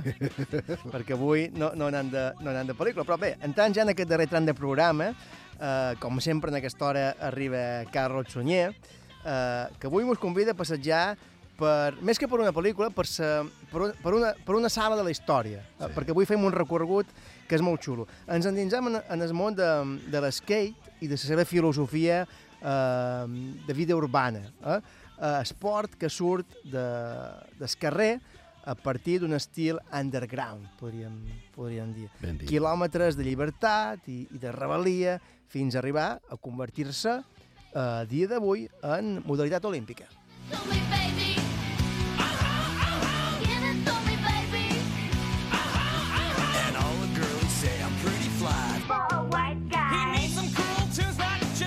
Carlos Sunyer, ja t'han sentit, com, com reies, com, bon vespre, com estàs? Bon vespre, Joan. benvingut. Mm, proposes un viatge, gairebé un viatge en els temps, podria ser això, no? Uh, els orígens de skateboarding, uh, o skate, sí. uh, a partir d'un dels seus grans referents, que no sé si uh, és molt conegut a nivell mediàtic, supos que per, per el, seu món sí que ho és, i xerram de- d'en Rodney Mullen. Mm, qui és en Rodney Mullen?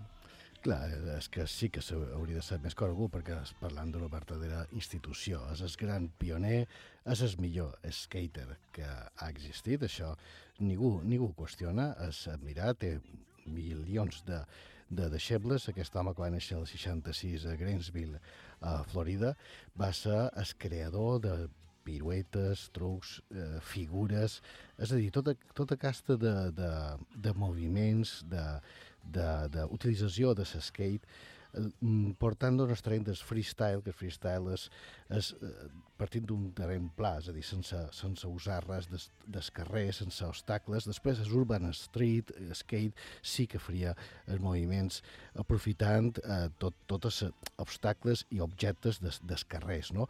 Els seus invents, ves que estem parlant de quasi 60 en total, i tots aquests dos que tu veus que fan, que fan botets amb amb un skate estan intentant fer una figura d'en Ronnie Mullen quasi segur. El més famós és Soli, que Soli d'un d'un terreny pla, eh, vertical i caiguda, però seran d'oli, seran de kickflips, seran de backflips, eh, hill... Tu, tu no en fas d'skate quan eres Em vaig eh? començar, però, però no era prou el meu, tampoc, Ah, crec. Uh, Jo, tu con- també, em vas fer. Jo conservo el meu skate de, Sí. de l'any 84, ojo, i encara roda. Encara roda. Una altra cosa que ja m'ho posi damunt, no? Clar, en el meu cas era, era més ja cap al 89, i record que en aquell moment, quan, quan, uh, sí, quan es va posar molt de moda l'skate, sí. uh, quan van arribar aquestes planxes més, més, sí, sí, sí. més tables no, de skate, sí. jo encara anava amb el monopatín, amb, Eh. amb salta més primet, saps? Clar, es, es, queden, es que se diuen penis, ara, que Sí, són aquests sí, petits. sí. Eh, Eh, i, i, i, i el xulo era tenir la taula de- d'skate, no? Jo no la vaig tenir, no la vaig tenir mai, no la vaig tenir mai. Vaig, me vaig quedar amb es, amb es, amb es patí aquell de color groc, saps? Que feia aquella o, o forma... taronja, o taronja, sí, sí, sí, sí. Però clar, era, era, era, ja, ja era una manera de, de, de, de alliberar-se i d'imitar una mica les pel·lícules d'en Spielberg i tots aquests Sí, sí, sí. Pensa que l'skate, eh, Joan, els van, el van inventar Mickey Muñoz i en fill Eduardo l'any 63, que eren fent surf aquests a Califòrnia. I per poder entrenar, quan no tenien la possibilitat d'anar a la mà, van crear el que deien el surf rock, eh, surf roll. I qui va néixer eh, l'skate? Però van ser figures com en Ronnie Mullen que li van donar el significat que té avui. És a dir, que eh, tot aquest moviment que ha acabat eh, a les portes d'unes Olimpiades, que malauradament no s'han celebrat però que se celebraran, eh, tenen el gran pare, el gran pare que és, que és inqüestionable. Tu veus les eh, figures que feia, els, trucs, ja t'he dit, quasi 60 ha creat, i encara en crea, encara en crea. És a dir, que aquest home va ser la porta d'entrada d'un món nou, perquè és un estil de vida. Hi ha molta filosofia, com els surferos, com els escaladors, Sí. té, té molt a veure. Ara, ara hi, hi entrarem. Parlant, per tant, de, del principal referent i pioner d'aquesta modalitat esportiva entesa d'aquesta manera, no? Uh, que, a més, també abraça modalitats, com comentaves ara, freestyle, urban, park, pool i, i mil noms que segurament que, que mereix. Uh, per cert, el tema musical que escoltem de fons mm, també té la seva raó, raó de ser, no? Per, per què l'has triat? Mira, l'he triat... Bé, n'hi ha bastanta música que està al voltant del món de skate, no? És, dins el hip-hop, dins el metal, eh, sempre una música potent, amb unes, amb unes lletres eh, també contundents i amb parolotes, que, tot, que està, està molt relacionat amb aquest món mig vandàlic de, de skaters.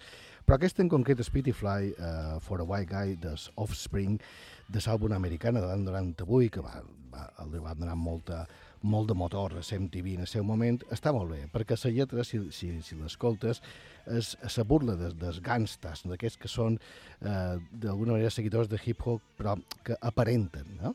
Eh, I els compara amb els skaters, que els skaters tenen una... sí escolten hip-hop i, i metal d'una manera més autèntica, perquè sí són lliures, sí són lots de carrer, i sí que tenen personalitat pròpia. És a dir, que sona molt bé com a banda sonora. L'escoltem. And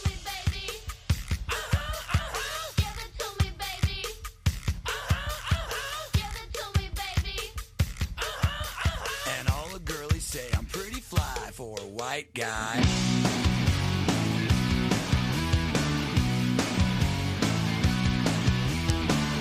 A Pretty Fly for a White Guy. Sí, eh? sí. Un esport, per tant, molt vinculat a la vida de carrer i en els perjudicis que això també suposa. Sí. Eh, sobretot per aquell que va començar a obrir camí, no? que era en Ronnie, en Ronnie Mullen.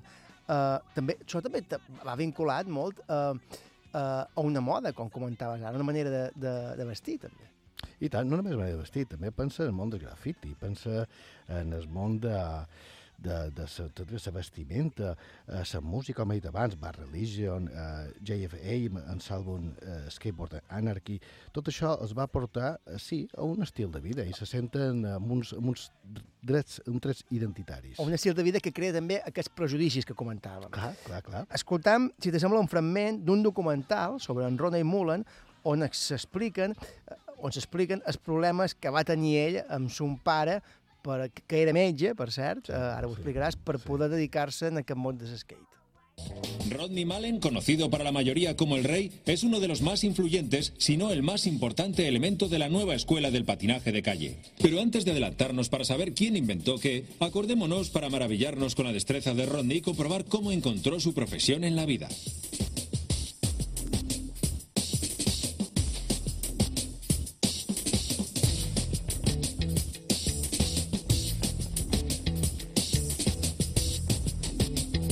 Cuando era joven, el señor Malen siempre tuvo envidia de cualquiera con un patinete, lo que resulta irónico porque ahora todo el mundo con un patín le envidia a él. Estaba celoso de otros chicos de su calle porque a ellos les permitían patinar y a él no. Su padre era médico y temía que patinar solo condujera a lesiones y a una pérdida de tiempo. ¿Cómo se equivocaba? Finalmente, tras años de súplicas a su padre, este accedió a la petición de su hijo el día de Año Nuevo de 1977, permitiéndole tener un patinete. El trato fue que si Rodney se lesionaba alguna vez o era pillado sin llevar sus rodilleras protectoras, entonces se le prohibiría patinar. ¿Pueden imaginar a alguien que patine tan bien como para no lesionarse jamás? Clar, practicar un esport com aquest i no les, lesionar-te mai, no fer-te mal mai, no caure mai, vol dir això, és complicat. I diria que fins i tot gairebé és, és imp impossible, no? Sí, pràcticament impossible. Fins i tot és golf, eh, produeix lesions, no? Sí, sí, qualsevol Eh? esport, sí. Jo em vaig trencar la muñeca jugant a futbolín, és a dir que... Imagina, imagina. I, i, i he fet escalada. I sense fer quilòmetres, estaves I sense fer aturat, quilòmetres, eh? Efectivament, ben aturat estava. Uh, bé, uh, se degué lesionar moltes vegades, el que passa que el pobre ho devia d'amagar a son pare. Son pare era un home molt estricte, el metge volia que ell també fos metge, per tant sempre va tenir problemes, aquesta confrontació, parlaves tu abans, aquests prejudicis de que era un lot de carrer i que eh, el pare el que va és que volia imitar eh, nins de carrer, el dos de carrer, i que no el duria a, a res bo. I els primers que ell li va regalar l'any 77 amb aquesta condició que, que hem escoltat. Clar, eh, alerta, no lesionar-se va suposar que la seva concentració fos màxima.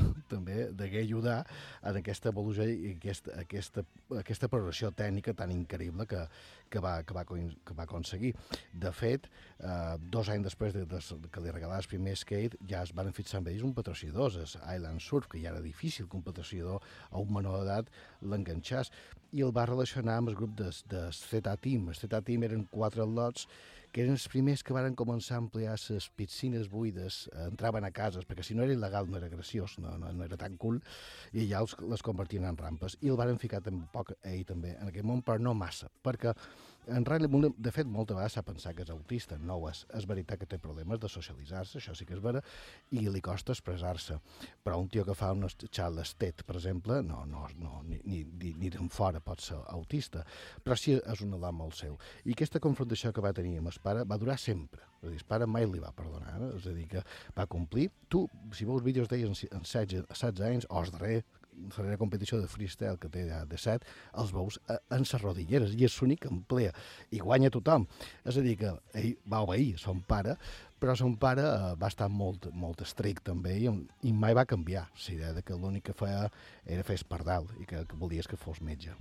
Clar, Roney Muller continua endavant amb la seva passió, no? al marge de, de, de, de la voluntat de, de son pare, i quan té 13 anys ja era professional amb, amb una marca patrocinadora, com bé comentaves. Eh, guanyava sempre totes les competicions oficials, triomfava ja en aquest món, però, però clar, son pare era completament contrari encara, el tenia, eh, no el tenia a favor no, per fer aquest esport. Um, Ron Moyle, però, era tot un espectacle ja després amb, amb 17 anys. De fet, en 17 anys disputa, suposadament, la que serà la seva darrera competició. Malen se hizo profesional a la edad de 13, patinando para la legendaria marca del momento Walker, y se convirtió rápidamente en el kamikaze del circuito. Podía intentar cualquier cosa y conseguirla. Pasaron años sin que perdiera una competición de freestyle. Se estaba convirtiendo en algo ridículo. La gente se congregaba tan solo para ver ganar a Malen. No había competencia. Con la escuela a punto de acabar para Malen, su padre estaba determinado a que abandonara el patinaje para concentrarse en la universidad una vez se hubiera graduado de secundaria. Así que a los 17 años de edad, una inmensa multitud se congregó para presenciar lo que todo el mundo pensaba que iba a ser su última competición antes de retirarse. Terminó siendo su primera derrota, ya fuera por el estrés de su última carrera como profesional o por la tristeza que le invadía, por una vez Rodney no se fue con el primer premio. Clar, és impossible deixar de fer allò que més t'apassiona i més encara quan te ho fan deixar de manera obligatòria i tens 17 anys. És completament impossible. El fet de que fos de 7 anys era perquè en els de 8 entrava a la universitat i son pare va dir eh, fins aquí. Per tant, aquest és el darrer. No és casual que guanyàs eh, 34 de 35 i que perdés la darrera, perquè clar, eh, estava molt trist aquesta... De fet, el públic hi anava, ha dit immensa multitud tampoc, perquè era un esport marginal, tu veus, eh, hi ha vídeos d'aquestes competicions i efectivament arrasa. A dir, si, si anava a veure qui quedava segon. Aquesta era la gran, la gran emoció i fins i tot s'ha arribat a dir que se va deixar perdre, va deixar eh, l'oportunitat de guanyar el darrer com a, com a acte de rebeldia i de, eh, cap al fet de no poder seguir, que no va ser així, va ser impossible. De fet, la marca Walker eh, el va convèncer i, de fet, el centrador en Barsky Sariski, que també era molt bo, va depurar el seu estil i això va fer que el convertís en el campió del món. És a dir, que eh, era la darrera competició, justament va perdre la darrera, però és que la pressió mental que tenia era enorme, era, una, era un home que vi, vivia per això. És a dir, ell sí que havia convertit l'skate en una forma de vida i tots aquests milions de lots que van venir després eh, també entren per aquest gran passadís dimensional que és eh, viure en el carrer, viure eh, també de manera gremial, perquè entre ells, fixa que no hi ha classisme, no hi ha racismes, i són, passa un poc amb el surf també, i l'escalada també. No? Que també suposa una disciplina molt fèrrea. Uh... Uh, no te pots ni imaginar les hores, de, les hores que, que porta això. Mira, jo t'ho dic una cosa, el meu fill Cristian és, és skater, i el primer que fa quan ve de l'escola és anar al carrer amb el seu skate i no en fa menys de 3 hores i torna suat, és a dir, si, si algú qüestiona que és un esport, hauria de veure com torna el meu fill a casa. I, I un mes com a mínim per poder crear una figura digna. Arriba a temps les Olimpiades. No, no arriba. No arriba, no, no, no arriba. Però, però no serà per constància. No serà per constància. Clar, perquè l'adrenalina que provoca l'esport, sobretot aquest freestyle, mm, n'alimenta també la seva passió, com bé comentes tu i sí. com li passa a Cristian, el teu fill. Sí. I, mm, I això és indomable. Totalment. No pots dir, deixa de fer skate o... Mm, mm, aquest documental que, que escoltarem ara, aquest fragment d'Héroes, de televisió espanyola, eh, eh, en parla d'això. Escoltam un, un grup de testimonis eh, que són skaters. Para mí el skate siempre digo que es mi oxígeno. Es un cúmulo de muchas cosas, ¿no? Es algo que me ha enseñado a ver la vida de una manera distinta, de una manera mucho más amplia. Realmente te, abre la mente a, muchas cosas.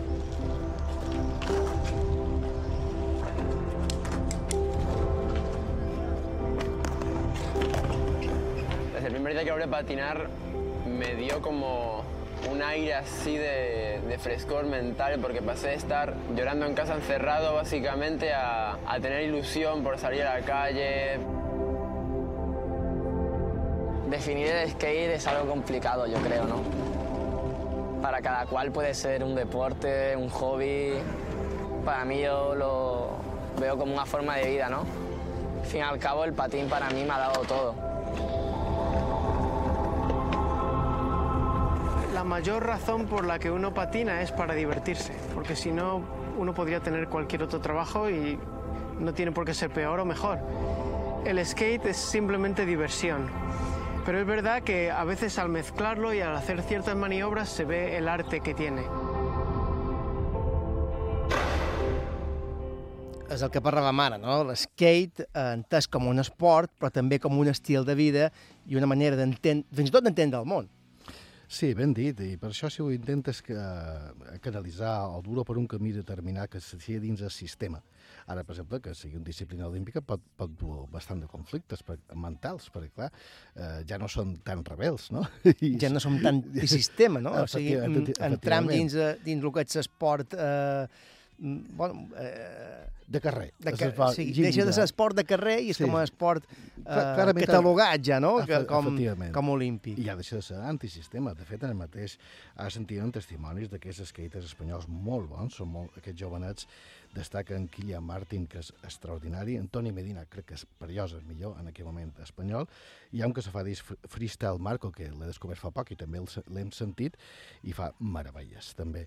Uh, I ells, a- així que li va passar uh, en en Mullen, um, la seva vida està allà de fora. Pensa que ha tornat ell, tornaré en aquests al·lots espanyols, però tornant ara al Mullen, perquè he recordat ara, després s'ho va ficar a la universitat, no hem dit que va passar després, perquè va estudiar enginyeria biomèdica, va estar quatre anys, no va acabar. No va acabar perquè era massa fort la tentació de tornar al món professional de l'skate. Son pare mai li va perdonar va perdonar. I va ser el seu gran problema a l'hora de competir. Recordo un poc eh, casos com Brian May, no? el gran guitarrista, Mhm. que la seva frustració és que els seus pares pensaven que l'únic que feia era fer, per dalt damunt d'un escenari en els cabells llargs. Um, això és dur, és dur perquè serran de gent amb un talent immens, però el que més importa és la gent que tu estimes. Per tant, tenir a ton pare en contra degué ser un dels principals factors de que la seva personalitat se, trencàs. I aquests els dos que hem escoltat d'aquest documentari interessant, Heroes, se diu, eh, veus eh, com progressen, com les hores que hi dediquen, com se relacionen entre ells i especialment la disciplina i la constància mental d'estar tots sols, hores i hores, eh, practicant una mateixa figura, un mateix truc, combinant amb un altre, cercant sempre trencar ba- barreres mentals, perquè hi ha límits, eh, eh, fins, fins i tot quan consideres una figura sempre la pots perfeccionar més. Hi ha una que es diu Impossible, per exemple, que tothom hi va darrere, i només en Mullen i en Hawk ho poden fer de moment. Ben feta, me refereixo. És a dir, que sempre, sempre se pot fer millor. És Una disciplina que es podria comparar fins i tot a la gimnàstica. I tant. Ara, ara, ara en parlarem perquè eh, eh, hi ha un tall en, en, en aquest documental se- se'n parla. Carlos, fem una aturada per la publicitat i tornant tot d'una. Seguim amb, amb els skaters.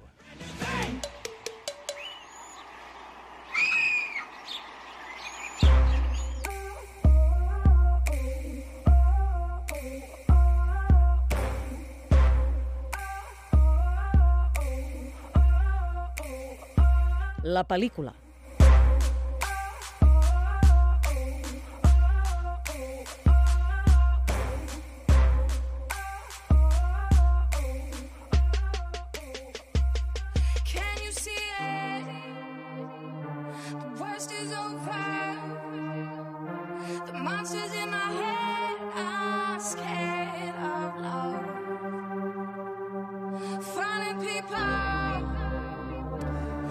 Tornem aquí Ho feim quilòmetres, aquí a la sintonia d'Iveta Ràdio. Són ja en el darrer tram de programa.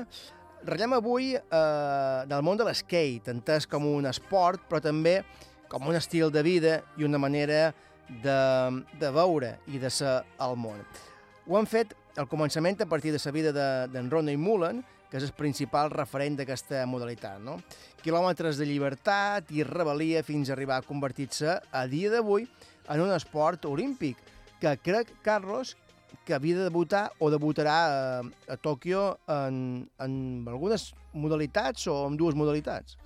en dues modalitats, concretament la de street, eh, és a dir, totes les figures, especialment ollies i backflips, kickflips, etc, i la de parc, és a dir, eh, la modalitat de rampes pensa que va ser tot un aconteixement. De fet, eh, van, el que volien és que mateix Mullen, eh, com a representant de la disciplina esportiva, eh, ho presentàs a l'hotel Windsor per a, les Olimpiades de 2020, que no va ser possible, però ara sí ho seran, i al final va ser Tony Hawk, que és el millor, eh, que sí que est està constantment, de manera professional, Mullen ja simplement fa demostracions, i és sí, un deixeble claríssim de, de Mullen, i va ser que va fer públic, i va ser històric, històric per les skaters i per tots els aficionats, um, la seva inclusió als Jocs Olímpics, junt amb el surf, no és casual, eh? l'escalada, és a dir, ja ho explicava abans, que són esports que molts que practiquen eh, aquests esports eh, tenen les seves eh, reticències respecte que sigui eh, un esport olímpic. El karate i el béisbol també van entrar, no? Um, aquestes varen, varen pensar si també incloure altres disciplines eh, més, de, com per exemple el freestyle, però al final ho van deixar de fora, és més catalogable i més fàcil de jutjar d'una manera mm, objectiva els, els moviments, les figures i les eh, actuacions en el street i en el parc. És a dir, que s'ha quedat en aquestes dues disciplines, té, té sentit. Ara bé, ja dic, eh, fa un poc així, ja ho veurem, ja ho veurem, no? Perquè, clar, és, és passar una mica per estubo tots aquests que ho fan eh, un pot de vandalisme, no?, entre cometes, en el carrer. Per tant, l'skate, tot i que rebi el nom de freestyle o estil lliure, requereix com deia abans, una exigència similar eh, per disciplina a la gimnàstica, no? Són moltes hores per aconseguir un truc, que es diu, no? Mm, del documental Heroes, també de televisió espanyola, escoltam eh, el testimoni que avançàvem abans, eh, el testimoni concret d'un skater que va deixar la gimnàstica precisament per dedica dedicar-se a el. No sé, quizá cuando yo empecé en la gimnasia deportiva también es un poco, es es una disciplina que tienes que estar constantemente intentándolo y cuidarte incluso físicamente. Y con el skate es un poco igual a veces. Eh, hay trucos, cuando hemos estado grabando vídeos, no tenemos meses para grabar. A veces hemos grabado en cuatro o cinco días y hacer todo lo que puedas. Cuando viajamos a la India fuimos por dos semanas, pero casi la mitad del tiempo estaba enfermo y teníamos sponsors y todo para hacer este vídeo y había bastante presión porque tienes que grabar un vídeo que sea espectacular en un corto espacio de tiempo y tienes que intentar trucos eh, continuamente. Sí, ha habido trucos que incluso ha costado 400, 500 intentos, horas y horas intentando un truco, pero claro, a veces estás cerca de caerlo y no lo puedes dejar. Y otras veces te dices a mí mismo, bueno, si este truco he sido capaz de hacerlo en 10 intentos, a lo mejor es que no es lo mejor que puedo dar. Clar, déu nhi Per tant, darrere un, un salt, no? darrere un truc, sí. darrere un oli, hi ha sí. hores i hores i hores de pràctica i dedicació no? per poder fer-lo mínimament bé, i ja ho diu ell, no? exigència màxima. Si me surt bé en 10 intents, és que millor no és tan difícil o que millor no el faig tot bé del que, del que puc arribar a fer. Sí, i això està molt generalitzat, és a dir, quan ho fan bé eh, pensen que eh, han arribat massa, massa facilitat, per tant no està tan bé. Llevat des posturetes, aquests, aquests sí que ho pengen a Instagram, eh, el primer botet que fan i esperen 50.000 me gustes. Però els que us agafen en sèrio eh, són molt exigents, són molt exigents i cerquen sempre pujar el nivell eh, que, que sentíem també ara eh, relacionat amb, amb Antoni Medina, precisament, es, es, es, se tira 5 o 6 hores i quan fa campanyes, quan fa vídeos que els que escoltaven, eh, és més d'un mes per poder crear un vídeo que ell digui que està bé. És a dir, no, no basta que la marca o l'esponsor consideren que està bé o, o ni Samu Yamamoto, que en 14 anys va ser campió de freestyle, que és dels més autoexigents que hi ha i és el més a prop de Mullen actualment eh, espanyol. Pensa que el freestyle literalment vol dir que pots fer el que et doni la gana damunt una superfície plana, sense emplear cap tipus d'objecte El extern. freestyle és damunt una superfície plana. Plana. I, I és que hi ha la rampa, la curvatura... Això serien rampes, i, de, serien i després hi ha rampes. l'street, que l'street és emplear qualsevol tipus de mobiliari urbà per poder eh, millorar, perfeccionar o modificar una figura. És a dir, que és quan se, fan que a l'eix de, de la taula contacti amb, un, amb el que sigui, no? amb, amb, amb, amb la voravia, amb, amb una taula... Amb un banc, amb un una banc, escala, El, amb el un- que sigui, no? unes escales, etc. Això seria street.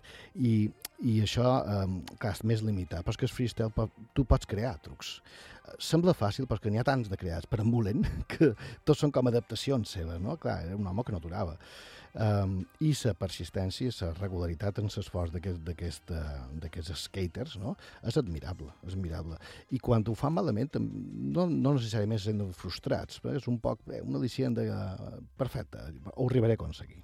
Clar, l'skate és una modalitat esportiva, ara ja olímpica, que sorgeix del carrer, com dèiem, i que també té la teva, sa, sa, sa teva ja ho diré bé, la seva presència en el cine. No? I tant, i tant. Mm, S'han fet pel·lícules um, amb l'skate com, com a temàtica principal, de fet, és el que comentàvem abans, no? La, a principis dels 90, que miràvem aquelles pel·lícules sí. i que agafaven la taula, sí. l'skate, perquè volíem semblar en aquells protagonistes. Però una de les escenes més mítiques que ha, que ha promocionat l'skate és la de, la de Regreso al Futuro. Muy bien, enano. Ahora te voy a... Biz, ¿qué es eso?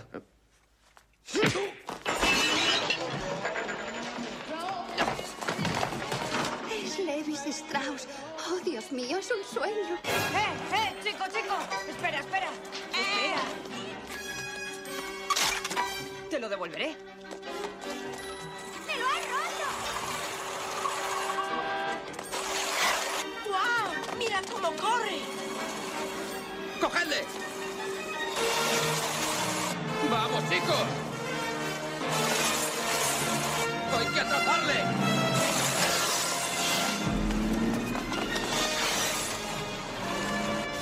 ¡Vamos! ¡Vamos!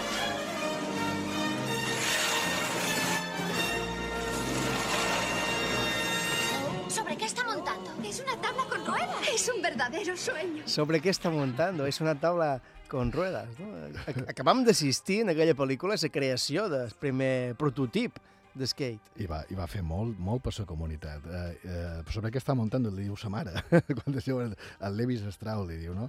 Eh, es, eh, aquesta escena va, va fer història i tot, eh, es, quan fem skate pensàvem en, en, en, en, en en Michael J. Fox eh, en aquesta meravellosa pel·lícula d'any 85 Robert Zemeckis. És veritat que hi ha hagut quatre parts, no? però aquella primera és una comèdia tan hàbil i un guió tan excel·lent que, clar, sempre ens agrada veure-ho. Bé, pensa que després, eh, quan, va, quan, va veure quan van al futur, fa, eh, se posen aeropatí. Que, és- Sí, allò- després ja- ja no té rodes. Ja no té rodes. Que existeix, ho han aconseguit, el Slide Skate, Lexus ho ha aconseguit, i Toyota està darrere un prototip, és a dir, que no han aturat fins a aconseguir aquesta elevació eh, d'uns palms, però clar, un skater té poc a fer amb això, simplement s'eleva una mica i avances, no? Però no, eh, és veritat que, que això s'ha aconseguit, eh, existeix. No es mouria com a la pel·lícula, però, però és, un, és una realitat de, que ha aconseguit Lexus, se diu Slide Skate.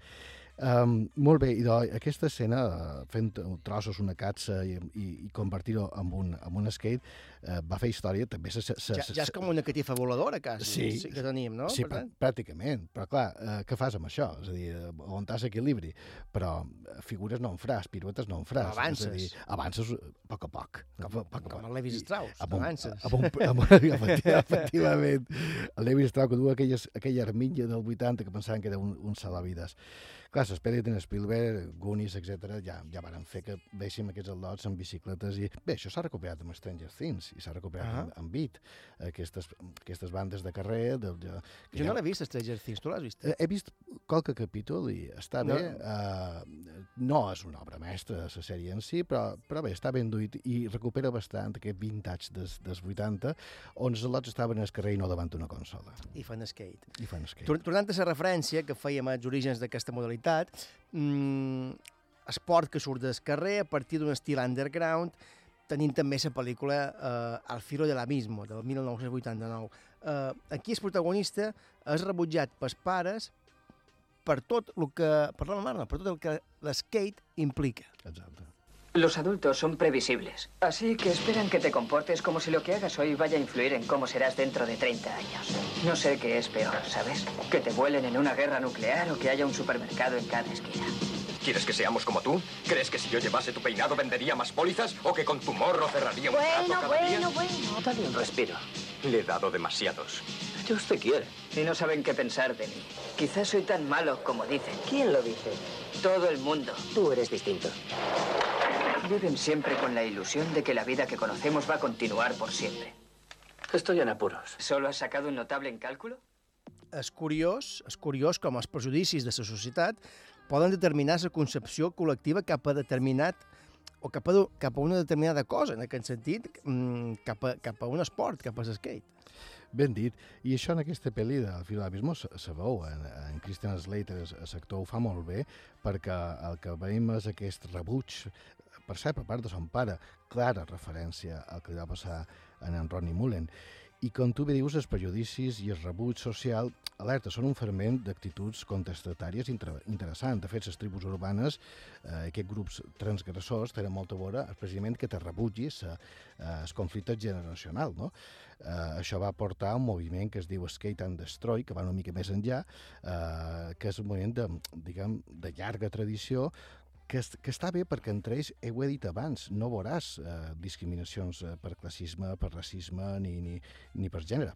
És a dir, que hi ha una, una, una mena d'identificació i fins i tot hi ha una, una, una, una idea molt, molt vitalista, no? molt, és gent amb moltes ganes de viure, gent eh, amb actituds que rebutgen eh, el consum de les drogues també, és a dir, no veuràs un skater drogat, no, no, no té massa sentit, eh? és a dir, que és, és una vida esportiva eh, a la vegada lliure, a la vegada contestatària, amb una rebel·lia que quan ets adolescent a vegades l'únic que significa és que tens ganes de, de canviar-te, no necessàriament el món, però sí a tu, i tot això fa que sigui eh, molt més que un esport, efectivament sigui una, una, una filosofia de vida. No? I aquest rebuig que reben de les classes diguem, de sistema, per dir-ho d'alguna manera, eh, també és una llavor eh, per aquesta llibertat.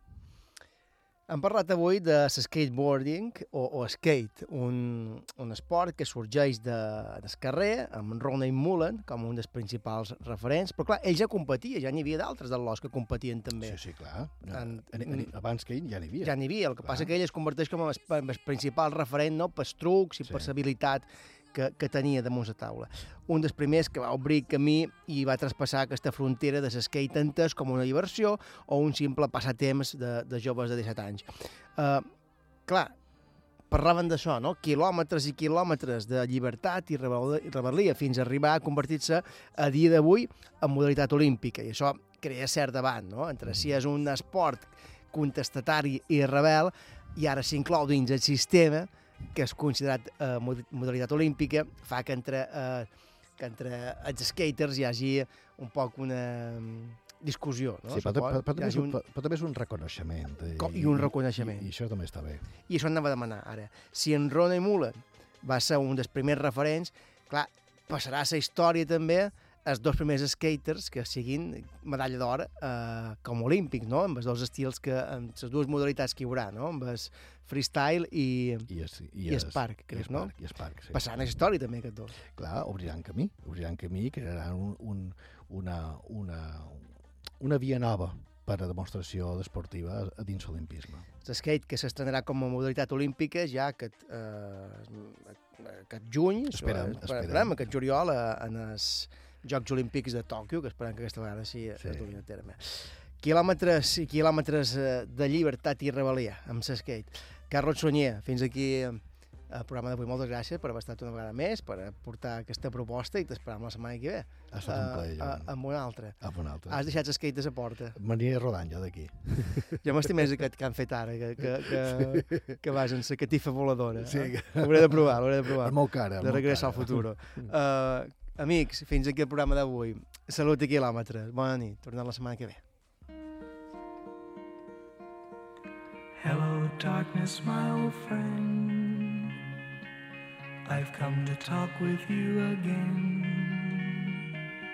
Because a vision softly creeping left its seeds while I was sleeping. And the vision that was planted in my brain still remains within the sound of silence. In restless dreams, I walked alone, narrow streets of cobblestone, neath the halo of a street lamp. I turned my collar to the cold my eyes were stared by the flash of a neon light that split the night and touched the sound of silence. And in the naked light I saw ten thousand people, maybe more. People talking without speaking. People hearing without listening.